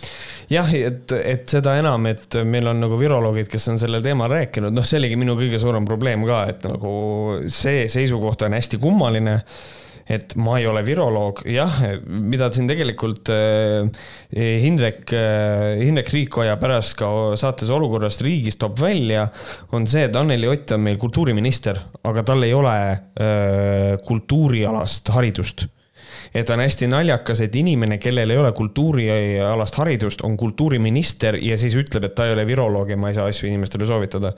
ehk siis, kuigi meil on viroloogid, on sellel teemal rääkinud ja nemad soovitavad vaktsineerida. et see on täpselt samamoodi keegi, kes, kas see oli Facebookis või oli see Twitteris, ma ei mäleta, keegi ütles seda ka. et, et noh, et kui sul läheb auto katki siis äh, sa ei saa, kellelgi teisel läheb auto katki, siis sa ka ei saaks ju soovitada tal näiteks autot remonti viia. sellepärast, et sina ei ole, sul, sul puudub kogemus, sa ei ole autoremontija ise ehk sa ei saa teisele inimesele soovitada, et vii oma auto remonti, et noh, see on mõnes mõttes samaväärne. või on nagu see, et kui ma viin auto remonti, siis kas, kus ma tean, et see on õige otsus, et ma pean auto remonti viima, sest et ma ei ole ju ise kuradi äh, autoluks, et ma ei kuradi, ma, ma ise autosid ei remondi, ma ei tea, kas on hea mõte auto remonti viia, et nagu see kogu see loogika siin, et ta ei ole viroloog, on täiesti ajuvaba ja lollakas jah, see Indrek Riikoja, sa ütlesid selle alguse pointi ära, aga siis ütles ka, et te peaksite ju ainuüksi sellepärast tagasi astuma et te olete kehakultuuri haridusega, aga see on märksa kitsam kui kultuuriministeeriumi haridusala. Yeah.. peaministril oleks ainuõige valik Anneli Ott valitsusest tagasi kutsuda. Ja kui poliitikud seda teha ei taha, siis minu arust kultuuriasutused võiksid küll väga selgelt näidata oma suhtumist sellega, et ennem kui minister ei ole selgelt teatanud, et tema on vaktsineeritud, et tema ei ole üks nendest, kes ohustab nende kultuuriasutuste tegevust, toimimist, kultuuritöötajate sissetulekuid ja kõike seda, siis palun ärge kutsuge kultuuriministrit enam esietendustele, kontsertidele, näituste avamistele ja nii edasi see, see mõte oli, see on täpselt niimoodi, et, et kui Anneli Ott käitus nagu laps, meeles Indrek Riiko alguses käitus samamoodi nagu laps vastu, ei nojah, aga sa ei ole ka kuradi äh, kultuuriinimene, et no astu ka siis tagasi, eks ole. sa ei saa, sai nagu sama puuga, aga kõik see jutt on meeles nagu jumala õige nagu jah. just selles, et tema on kultuuriminister nagu, see ongi see, see ongi nagu see põhipoint minu arvates. arvestades sellega, mis siin praegu jälle toimub, isegi sinu rahakott kannatab jälle, onju. jaa, absoluutselt, jah. temasuguste nagu, inimeste pärast. just, et noh, see ongi, see ongi see, et kui, kui tema räägib, et vaktsiinipassi kasutusele võtmine on diskrimineerimine, et noh, siis tegelikult Anneli Ott paneb konkreetselt minu rahakotti oma käe selles mõttes, et noh, et ta ikkagi mängib minu sissetulekutega, et see on tegelikult, ei ole nagu õige aga, aga kõike seda öeldes, tõsi, Anneli Ott ei ole kohustatud ütlema, kas ta on vaktsineeritud, et äh, see on, see on minu arust vastab, vastab tõele ja see nii on kuigi ta võiks. ta on ikka, kuidas ikka nii kaua on suutnud ikka vastu pidada sellele tegelikult ja jääb ikka sealsama Joorupi juurde. jah, sest et nüüd sel hetkel on see asi sealmaal, et kui ta ütleb, siis see on nagu see, et ta andis survele alla. ma arvan, et seal on nüüd juba see asi ka juures jah, ja nüüd siis Anneli Ott juba siis on äh, jõudnud ka sinna, oota, oota, massimeedia ja kes see teine on siis, alternatiivmeedia.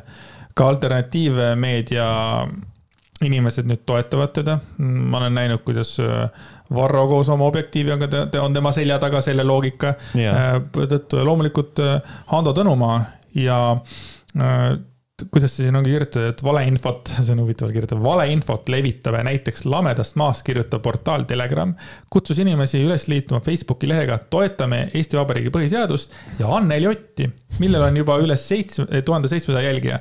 lühidalt öeldes on hästi oluline, et selline inimene oleks nende hullude keskel valitsuses. mulle tundub, et ta on meie poolel, kõneles Telegrami looja Hando Tõnumaa videos, milles kutsus inimesi liituma. Sa ju tead, et sa ju tead, et koroona on pettus, pane like, lisas Tõnumaa video lõpus. ka Anneli Ott vajutas sellele lehele like. jah, see on, see on hästi huvitav, et nagu selles mõttes nüüd ma tahtsingi, nüüd me jõuamegi sinna, mis on tegelikult oluline, on see, et Anneli Ott äh, ei anna mõista, kas ta on vaktsineeritud, sest et noh, ta ei pea, kuigi ta võiks seda öelda, eks ole. aga selline käitumine tekitab väga-väga palju küsimusi, et nagu, kas üldse see inimene on pädev, kas tal on üldse vaimne tervis korras või mitte. mõtle, kui hull on see, et nüüd jälgitakse sinu like imist. no, no, no, nojah no,, sa oled huviorbiidis muidugi no,. nagu üleüldse nagu see, et ja et nagu Anneli Oti nagu kaitseks nüüd öelda, et ütleme, et kui mina saaksin peksa nagu igalt poolt praegu, ja siis ma näeksin, et Varro kirjutab, et jaa, aga Andres Jääger tegelikult tegi väga õigesti, et ta ei öelnud seda ma paneks ka like, isegi kui Varro ei meeldi mulle, sellepärast et ma tunnen ennast üksinda, ma tunnen, et kõik ründavad mind. üks inimene on minu poolt, vaata. et äh, ma usun, et noh, see võis olla ka sellega seotud, see on minu mingisugune suvaline mõte, onju.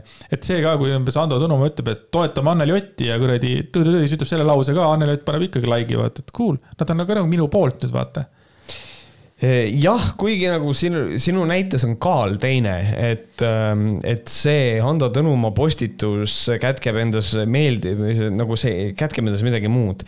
et hullude keskel on üks inimene valitsuses, kes on nende poolel.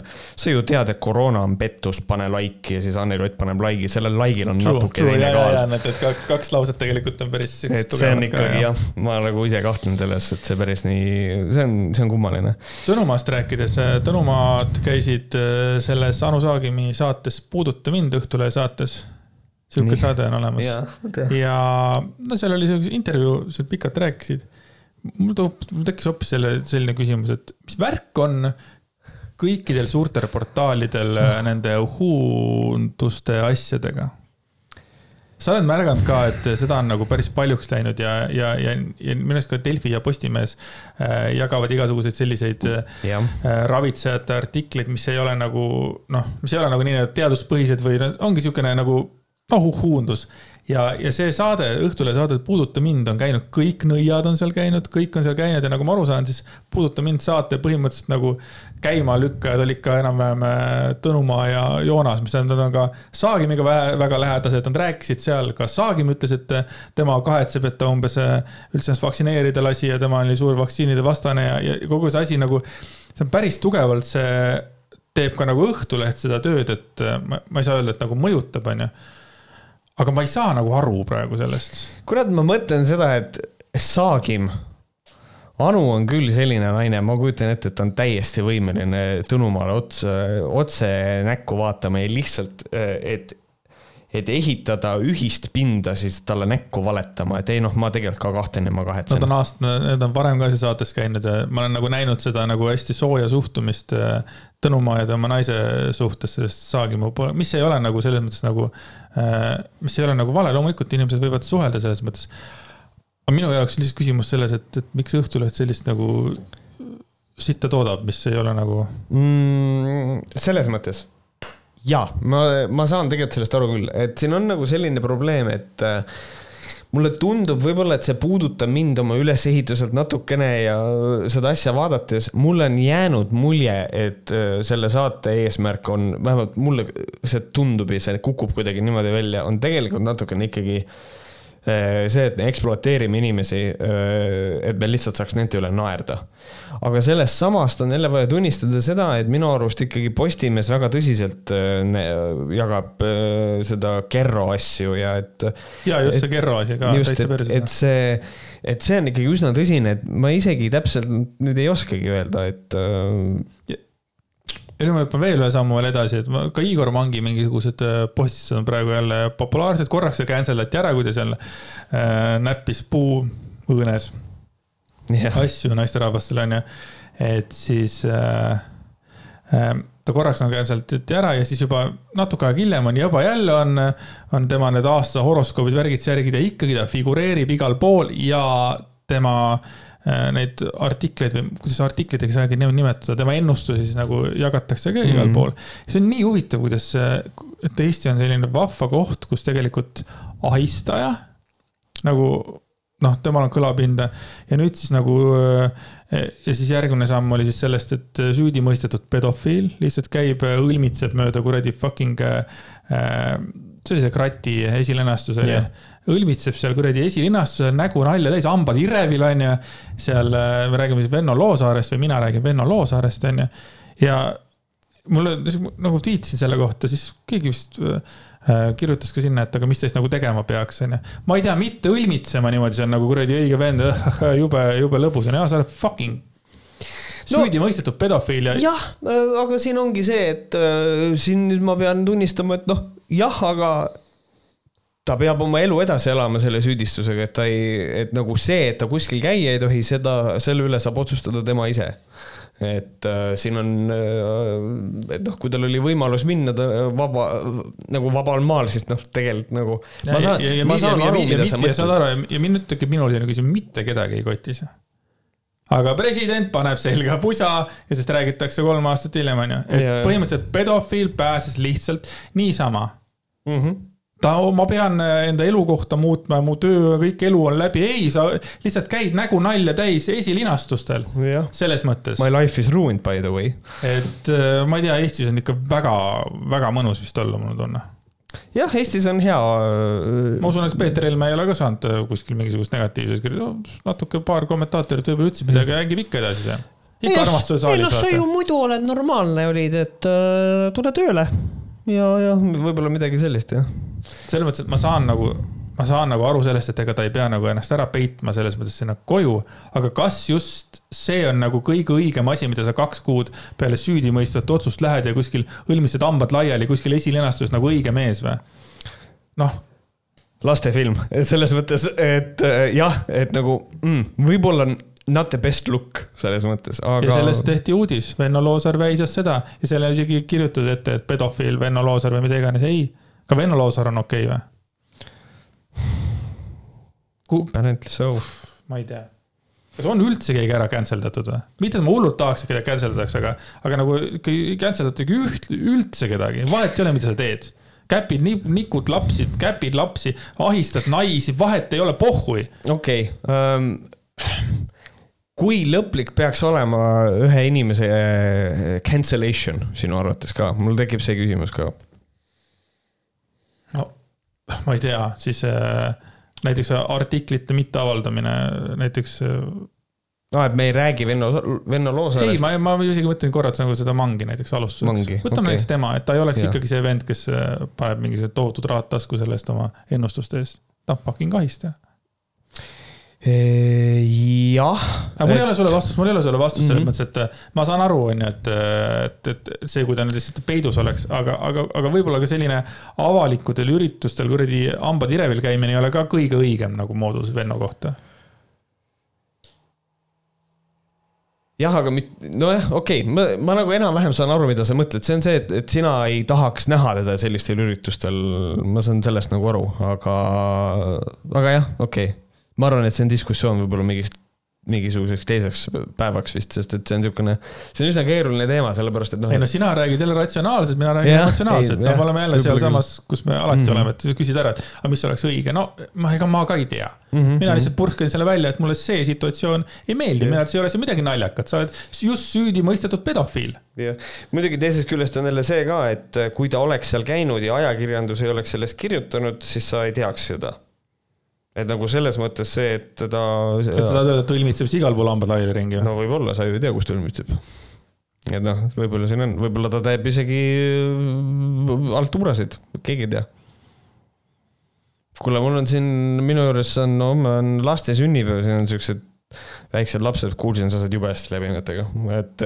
tule Otto Trinnale. Äh, tule tee, võib-olla viitsid päeva esimeses pooles olla Otto ja teises päevas Triin et siukene mm. karm, karm värk, ei tea, ei tea.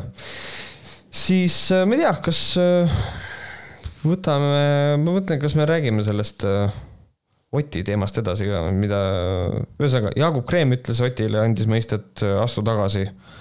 et me, et me kõik kannatame sellel, nagu siin ei ole midagi uut.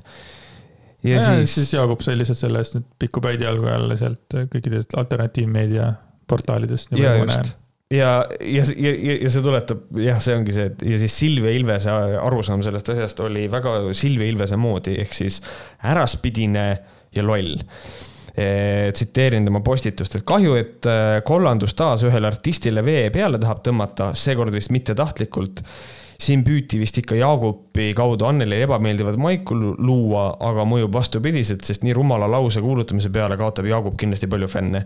ühesõnaga, et kui me kritiseerime äh, artisti vaktsiini vastasust, siis tõmbab meedia vee peale.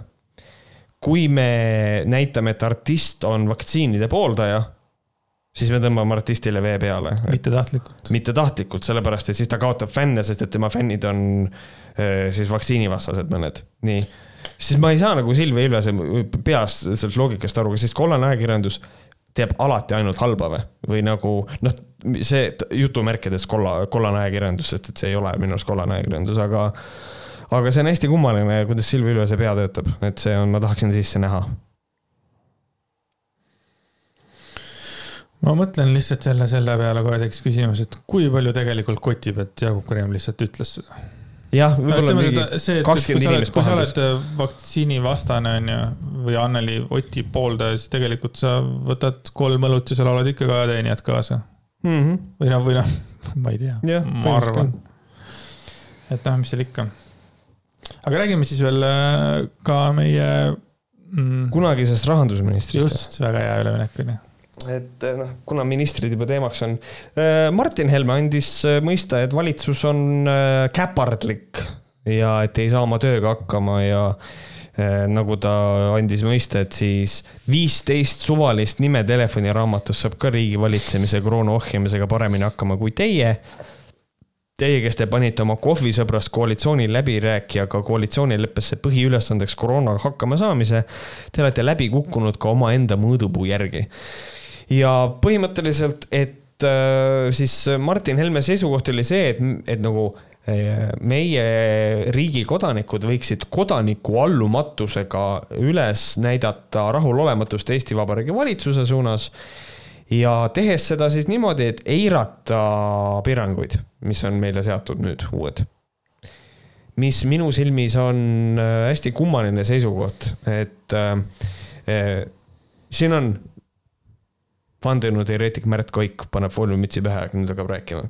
kas ei ole mugav öelda seda, et valitsus saab oma piirangutega hullult, vaata, koroona on nii hulluks läinud ja kõike seda, siis ta kutsub üles inimesi, äh, ärge alluge nendele reeglitele, ärge alluge nendele piirangutele.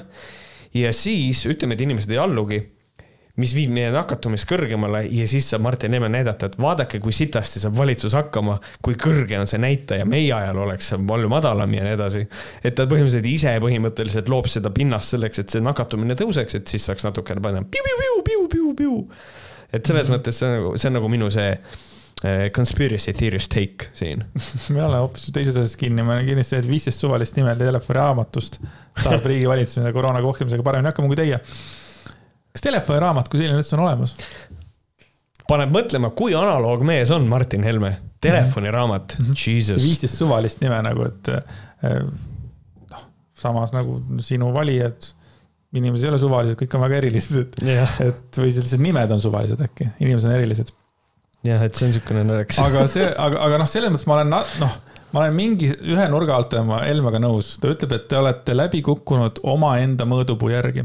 siis, kui Kallas tuli oma sõpradega punti, siis nemad ütlesid, et meie umbes ainus eesmärk on koroonat ohjata siis noh, ma ütlen, ega see ei ole seotud, no see on nagu seotud üldse selle viirusega on ju, aga siis läks kõik perse. Siis olid tuhanded, palju see päevast oli meil seal vahepeal, oli tonn või? see ja, ja see oli palju jah. tuhat nakatunut ja nii edasi, siis läks kõik tuksi, on ju. siis nad panid selle kinni äh, liiga hilja, on ju, siis tagantjärgi kõigil hea kaaguta, liiga hilja panite kinni. et nagu minu arust kõik sammud, mis nagu Kaja Kallase valitsus on teinud on kuidagi nagu jäänud kogu aeg nagu natukene hiljaks. selles mõttes, et, et et noh, selles mõttes nad on tõesti läbi kukkunud omaenda mõõdupuu järgi jah, tuleb üles, nagu tuleb tunnistada, et, et see nagu nii on, aga sellegipoolest, noh, ei, ma olen nõus, Kaja Kallase valitsus oleks saanud teha asju kindlasti palju paremini, muidugi siin on jällegi see, et eh, tuleb tunnistada seda, et see on väga kriitiline aeg, ei ole väga lihtne ette ennustada kõiki neid väikseid tegureid äh, Äh, absoluutselt, me, me ei ole enne kokku puutunud sellise olukorraga, nagu see on ülemaailmne pandeemia, ma saan sellest kõigest aru. aga siin on üks nüanss, on see, ühel hetkel saab see kuradi karikas nagu täis ja siis on nagu see, et kuulge, millega te tegelete. minu üks lemmiknäide on see, et äh, see koroonapassi asi, et nüüd on koroonapass on valmis ja siis äh, inimesed ajavad täiesti idiootset juttu. Äh, tuleb ühel hetkel välja seda, et meil ei saa piiri peal, PPA ei saa koroonapasse skännida, selle jaoks on neil vaja eraldi nagu telefoni selle jaoks, mis on varustusosa, mis on asi, millega ma olen sada protsenti nõus. asi seisab hanke taga ja siis mul lihtsalt tekib küsimus, et kuidas on võimalik, et asi alles sealmaal on et kas sellega ei saanud nagu varem tegeleda, et seda ratast juba nagu vaikselt käima lükata, Jüri Ratas et, et, et kuidagi oleks võinud sellega tegeleda. et see on, see on nagu üks näide ja teine asi siis on see, et nüüd tulevad need koroonapassid välja ja siis Tanel Kiik ütleb, et piisab visuaalsest kontrollist vaktsiini selle passi kontrollimisel. siis inimesed hakkavad võltsima neid me peame neid ikkagi kontrollima, kas visuaalne kontroll ikkagi tähendab QR koodi skännimist või mitte. kui vastus on ei, siis on lollakas, sellepärast et siis võib Meeli Lepson endale ühe netist välja printida ja sellega minna, öelda, et see on õige, see on minu oma. et see on lollakas. teise asjana ma endiselt ei saa aru, miks on vaja nii kui mõtlesin, siis sain aru, et võib-olla ma olen lollakas, ilmselt olengi. minu esimene mõte oli see, miks ei pandud äh, koroonapassi ID-kaardi peale, aga samas, kui panna see ID-kaardi peale, siis me ei, see tähendaks, et igal ettevõttel peaks olema võimalus ID-kaarti lugeda. Äh, võib-olla see, jah, ma arvan, et see on, see on üks, see on üks käär juba. et aga, et põhimõtteliselt on see, et ja siis tuli välja, noh, selline asi ka, et äh, põhimõtteliselt need tekstid, mis on koroona selle dokumendi peal PDF-failis, neid saab muuta. Eh, et need ei ole tehtud vektoriteks, no tegelikult saab vektoreid ka muuta, eks ole, aga noh, üsna lihtne on, on panna sinna alla teine nimi. mis on tegelikult pohhui, sest et QR kood on kõikidel erinev I fucking hope so at least. et nagu need andmed saab QR koodi pealt lugeda ikkagi ja andmed on seal õiged, aga kui me tegeleme visuaalse kontrolliga, siis on kõik täiesti ükskõik. et nagu siis on see lihtsalt täielik skämm ja see on mõttetu, et ühesõnaga see on kuidagi läbi mõtlemata, et äh, ma ei tea, ja siin juba inimesed, äh, kantslerid lendavad ja ühesõnaga sellega on putsis. ja teine asi, mis mulle praegu tuli meelde. Üllar Lanno sai hakkama ühe kõige uskumatuma asjaga üldse rääkides sellest, et vanemad inimesed on vaktsineeritud, Üllar Lanno ütles, et meie ühiskonnas vanemad inimesed on pääsenud vihma käest räästa alla. Üllar Lanno ei tea, mida see väljend tähendab. ta tahtis öelda, et nagu, et äh, vanematel nagu inimestel on nagu fine, et ja. nad on nagu päästetud või nagu selles mõttes, et neil on nagu hästi. ja ta arvas, et vihma käest räästa alla tähendab, et on hästi, kuigi tegelikult vihma käest rääst alla tähendab just nimelt seda, et sa oled vihma käes, siis lähed rääst alla, ikkagi tuleb vesi pähe, ehk siis mitte midagi ei muutu. ehk siis see on niisugune, me võime võib-olla vaktsiini, vaktsineerituse kohta öelda seda, et võib-olla oleme pääsenud vihma käest rääst alla, et me oleme küll vaktsineeritud, aga me oleme ikkagi, vaktsineeritud inimene võib delta varianti nagu levitada endiselt, et võib-olla see probleem on nagu, aga aga et Üllar Lanno puhul mina sain aru, et ta ei tea, mida see väljend tähendab ja see on minu arust suurepärane Üll-, Üllar Lanno kokkuvõte, Üllar Lanno inimesena ei tea elementaarseid asju, väga tore. Uh. -huh üks küsimus veel, et vaata, kunagi oli see teema, et mingi koolides pidi õhutust hakkama tegema ja kõik värgid-särgid, et, et oleks turvaline noh, sellest jutust on ka möödas juba, see oli esimene laine, kui nagu sellest õhutust räägiti yeah., mõnes mõttes teiseks laineks ei olnud sellega midagi parandatud. kas praegu on terve suvi töötatud selle nimel, et või, või mõeldud veel mingeid trikke välja, et lapsed saaks ilusasti kooli minna? terve koos? suve läbi on olnud kõikidel koolidel aknad lahti ja on õhutatud terve suve läbi mm -hmm. ja siis, kui lapsed kooli lähevad, panevad aknad uuesti kinni, ma arvan, et see asi on. see ongi arvatavasti ainus. et no minul on, noh, mul on ka mõned küsimused tegelikult nende, nende, nende asjade suhtes on ju. et mis on ette võetud, aga ma lihtsalt ei saa aru, kuidas nagu keegi ei ole suutnud ikkagi nagu välja mõelda mingisugust päris lahendusi. nagu inimesed on ju nii geniaalsed, ma ei tea, me, me käime kuu peal, ma ei tea, me teeme äppe, kurat, keegi hakkas kunagi õppis ära, kuidas lindistada kasseti peal, kus muusika sinna jääb lindi peale või mida iganes. ja me ei suuda nagu, ma ei tea saad aru, mis ma mõtlen või, et, et nagu ja, mingi, on... kuskil võiks olla mingisugune tark pea, kes mõtleb mingisuguse asja välja, kuidas seda asja nagu. see ei saa niimoodi kesta, et me paneme muudkui asju kinni ja lihtsalt suretame mingisuguseid asju välja, eks ole ja noh, mitte, et nüüd valitsus suretaks, aga et noh, ütleme, et see tingib selle suretamise võib-olla mingisugused hädaabinõud või? jah. kuidagi no kõik on nii kuidagi hädas, et nagu kogu maailmas on nagu sama, siis proovitakse neid samu asju, mis nagu natukene ei tööta ja.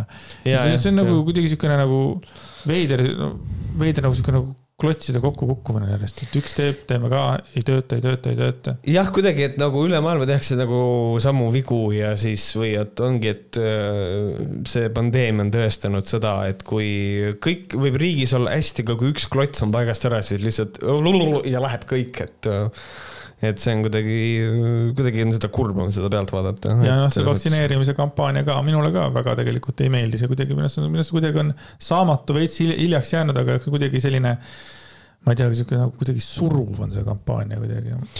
nojah, aga siin kohapeal mina olen nagu selles mõttes, ma olen nõus, et see on natukene suruv, aga ta on põhjusega suruv, sest et me oleme jäänud hiljaks sellega ja siis seal on, see ongi nagu see, et kutsume inimesi üles, et palun lähme vaktsineerima et äh, selles mõttes ma leian, et kerge surumine on selle koha peal okei okay,, puhtalt sellepärast, et meil on siis olukord on putsis, et äh, aga see, kas see surumine midagi aitab ka, et.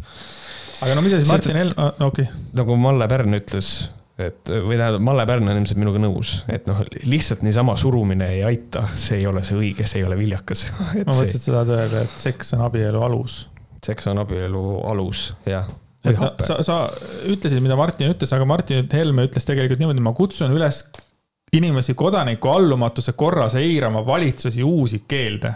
jah, jah. Noh, see on, see on nagu kokkuvõttes, et kui ma seda lugesin, mul oli nii, et vau, see on uus tase juba. nüüd ta kutsub nagu päriselt allumatusele, muidu lihtsalt solvati naisi ja musti ja, ja sibulaid ja keda kõiki Martin Helme on sol solvanud oma elu jooksul, onju et siis äh, nüüd siis äh, davai, hakkame siis äh, mitte täitma reegleid. see on, ju nii suur, suur sõnum. ja pluss minu arust arusaamatu on see, et nagu, aga see ju su-, süvendab probleemi mm, -hmm. et mhm. nagu see on ju tegelikult, aga võib-olla see ongi see, mida ta tahab, et siis on nagu tema silmis, ta saab mängida sellele, et on rohkem läbi kukkunud kogu see asi.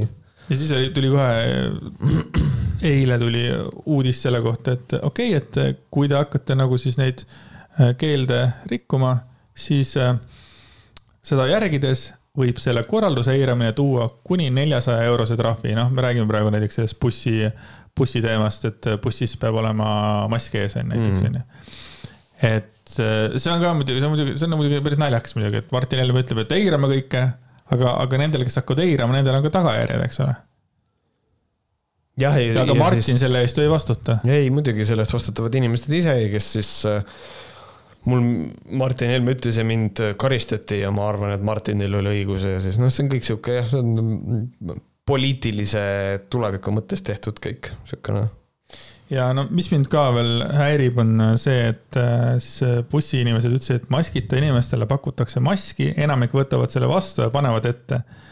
üldiselt on maskist keeldujad ise bussist lahkunud, aga jällegi minu väike sihuke looduse säästja nagu, et kui palju need maskid on tekitanud siia saastet siia maailma. ja see on ikka no üüratu kogus ja ja, ja nüüd ikka, ikka, ikka, me oleme nagu ikkagi seal ka veel, ikka tulevad need ühekordsed maskid, ikka need ei ole veel mingisugusest äh, imelisest materjalist, mis laguneks või midagi, ei, ikka on needsamad rõvedad maskid. ja, ja ikka me nagu, me oleme nagu samas kohas ja see maskide teema mind häiribki kõige rohkem sellepärast, ma lihtsalt näen, kuidas see, see säästab loodust kui me mõtleme küll, et okei okay,, mina siin kasutan ühe maski päevas ja sina, no ei ole hullu midagi, aga palju maailmas on inimesi. jah, jah ma mõtlen ja, ja iga päev on inimesed, kes viskavad neid maske ära, see on tohutu hunnik, ma olen juba näinud neid pilte või videosid, selles mõttes, et see on, see on, see on päris jube, see, ega see maski ma ei tea, see trash nagu võib ka tekitada tulevikus väga suuri probleeme. jälle loomad surevad meie pärast. jah, loomad surevad, sest meie ei taha surra. Põhimõtteliselt on siin nagu, siin nagu muud ei ole. alternatiive pole. oleks nagu, mingi aga... alternatiiv vajalik jah, mis äh, eeldaks, et inimesed tegelevad sellega. pange raha siis sinna, et äh, loodussäästlikud maskid, mis läheb kallimaks maksma, aga et umbes, et ei ole siis ühekordsed või mis iganes. ma mõtlen, ma ei tea, ma, ma. jah, see raha on vaja kuskilt võtta ära ma, siis sellisel juhul noh, ma ei tea. Vahepeal vaatan küll, et see raha kulutatakse küll nagu väga suvaliste asjade peale no,. anname Priskele kuradi, Priske. anname Priskele raha, onju, jah, aga see tuleb teisest rahakotist jälle, et noh, siin ongi nagu siin on, siin on, see on väga keeruline, see, see, see asi, et see ei ole nii lihtne, et äh, teeme uue, teeme uue materjali, aga ma arvan seda, et lõppkokkuvõttes. saad aru, Märt, aega on juba möödas. nagu see minule ikkagi tundub, et me oleme laias laastus sama koha peal, kus me olime peaaegu poolteist aastat tagasi. Ainus vahe on selles, et nüüd on vaktsiin, mis ei ole ka nagu sada protsenti, on ju. no ükski et, ei ole. jah, ma saan aru sellest mm. -hmm et kuidagi need, kui, kui mingisugust nagu päris lahendust kuskilt ei tule, siis kas me jäämegi niimoodi tilbendama? ja kui tulevad uued tüved, eks ole äh,, ja, ja mina olen suht kindel, et see jääbki olema meil niimoodi, mina olen suht kindel, et. et hakatakse nagu asju kinni panema või? Äh, tähendab, mina olen suht kindel selles, et äh, see SARS-CoV-2-l baseeruv asi jääb meiega põhimõtteliselt hooajalise haigusena tänu sellele, et me ei ole efektiivsed selle vastu. meie piirangud ei aita, sellepärast et inimesed ei pea nendest kinni ja nii edasi, et ma arvan, et ma arvan, et sellega on see asi perses, jah, ma arvan, et Covidi koha pealt on asi väga halb meil mm.. jah, selles mõttes. That's a dark ending ei, ma lihtsalt nagu tegelikult ka ma nagu arvasin nagu rohkem inimestest või siis nagu tarkadest inimestest, kes on suutnud nagu nii ägedaid asju nagu maailma välja mõelda. nüüd ma olen mingi siukesed täiesti, minu jaoks nagu tundub nagu, see, see ei tundu nagu mingi lahendamatu probleem, see ei saa olla lahendamatu probleem. et tõesti mingisugusest materjalist maske panema, tegema hakata või mida iganes, vaata see ei ole ju lahendamatu, kurat, läbi õhu, telefonid on välja mõeldud, mida iganes, noh.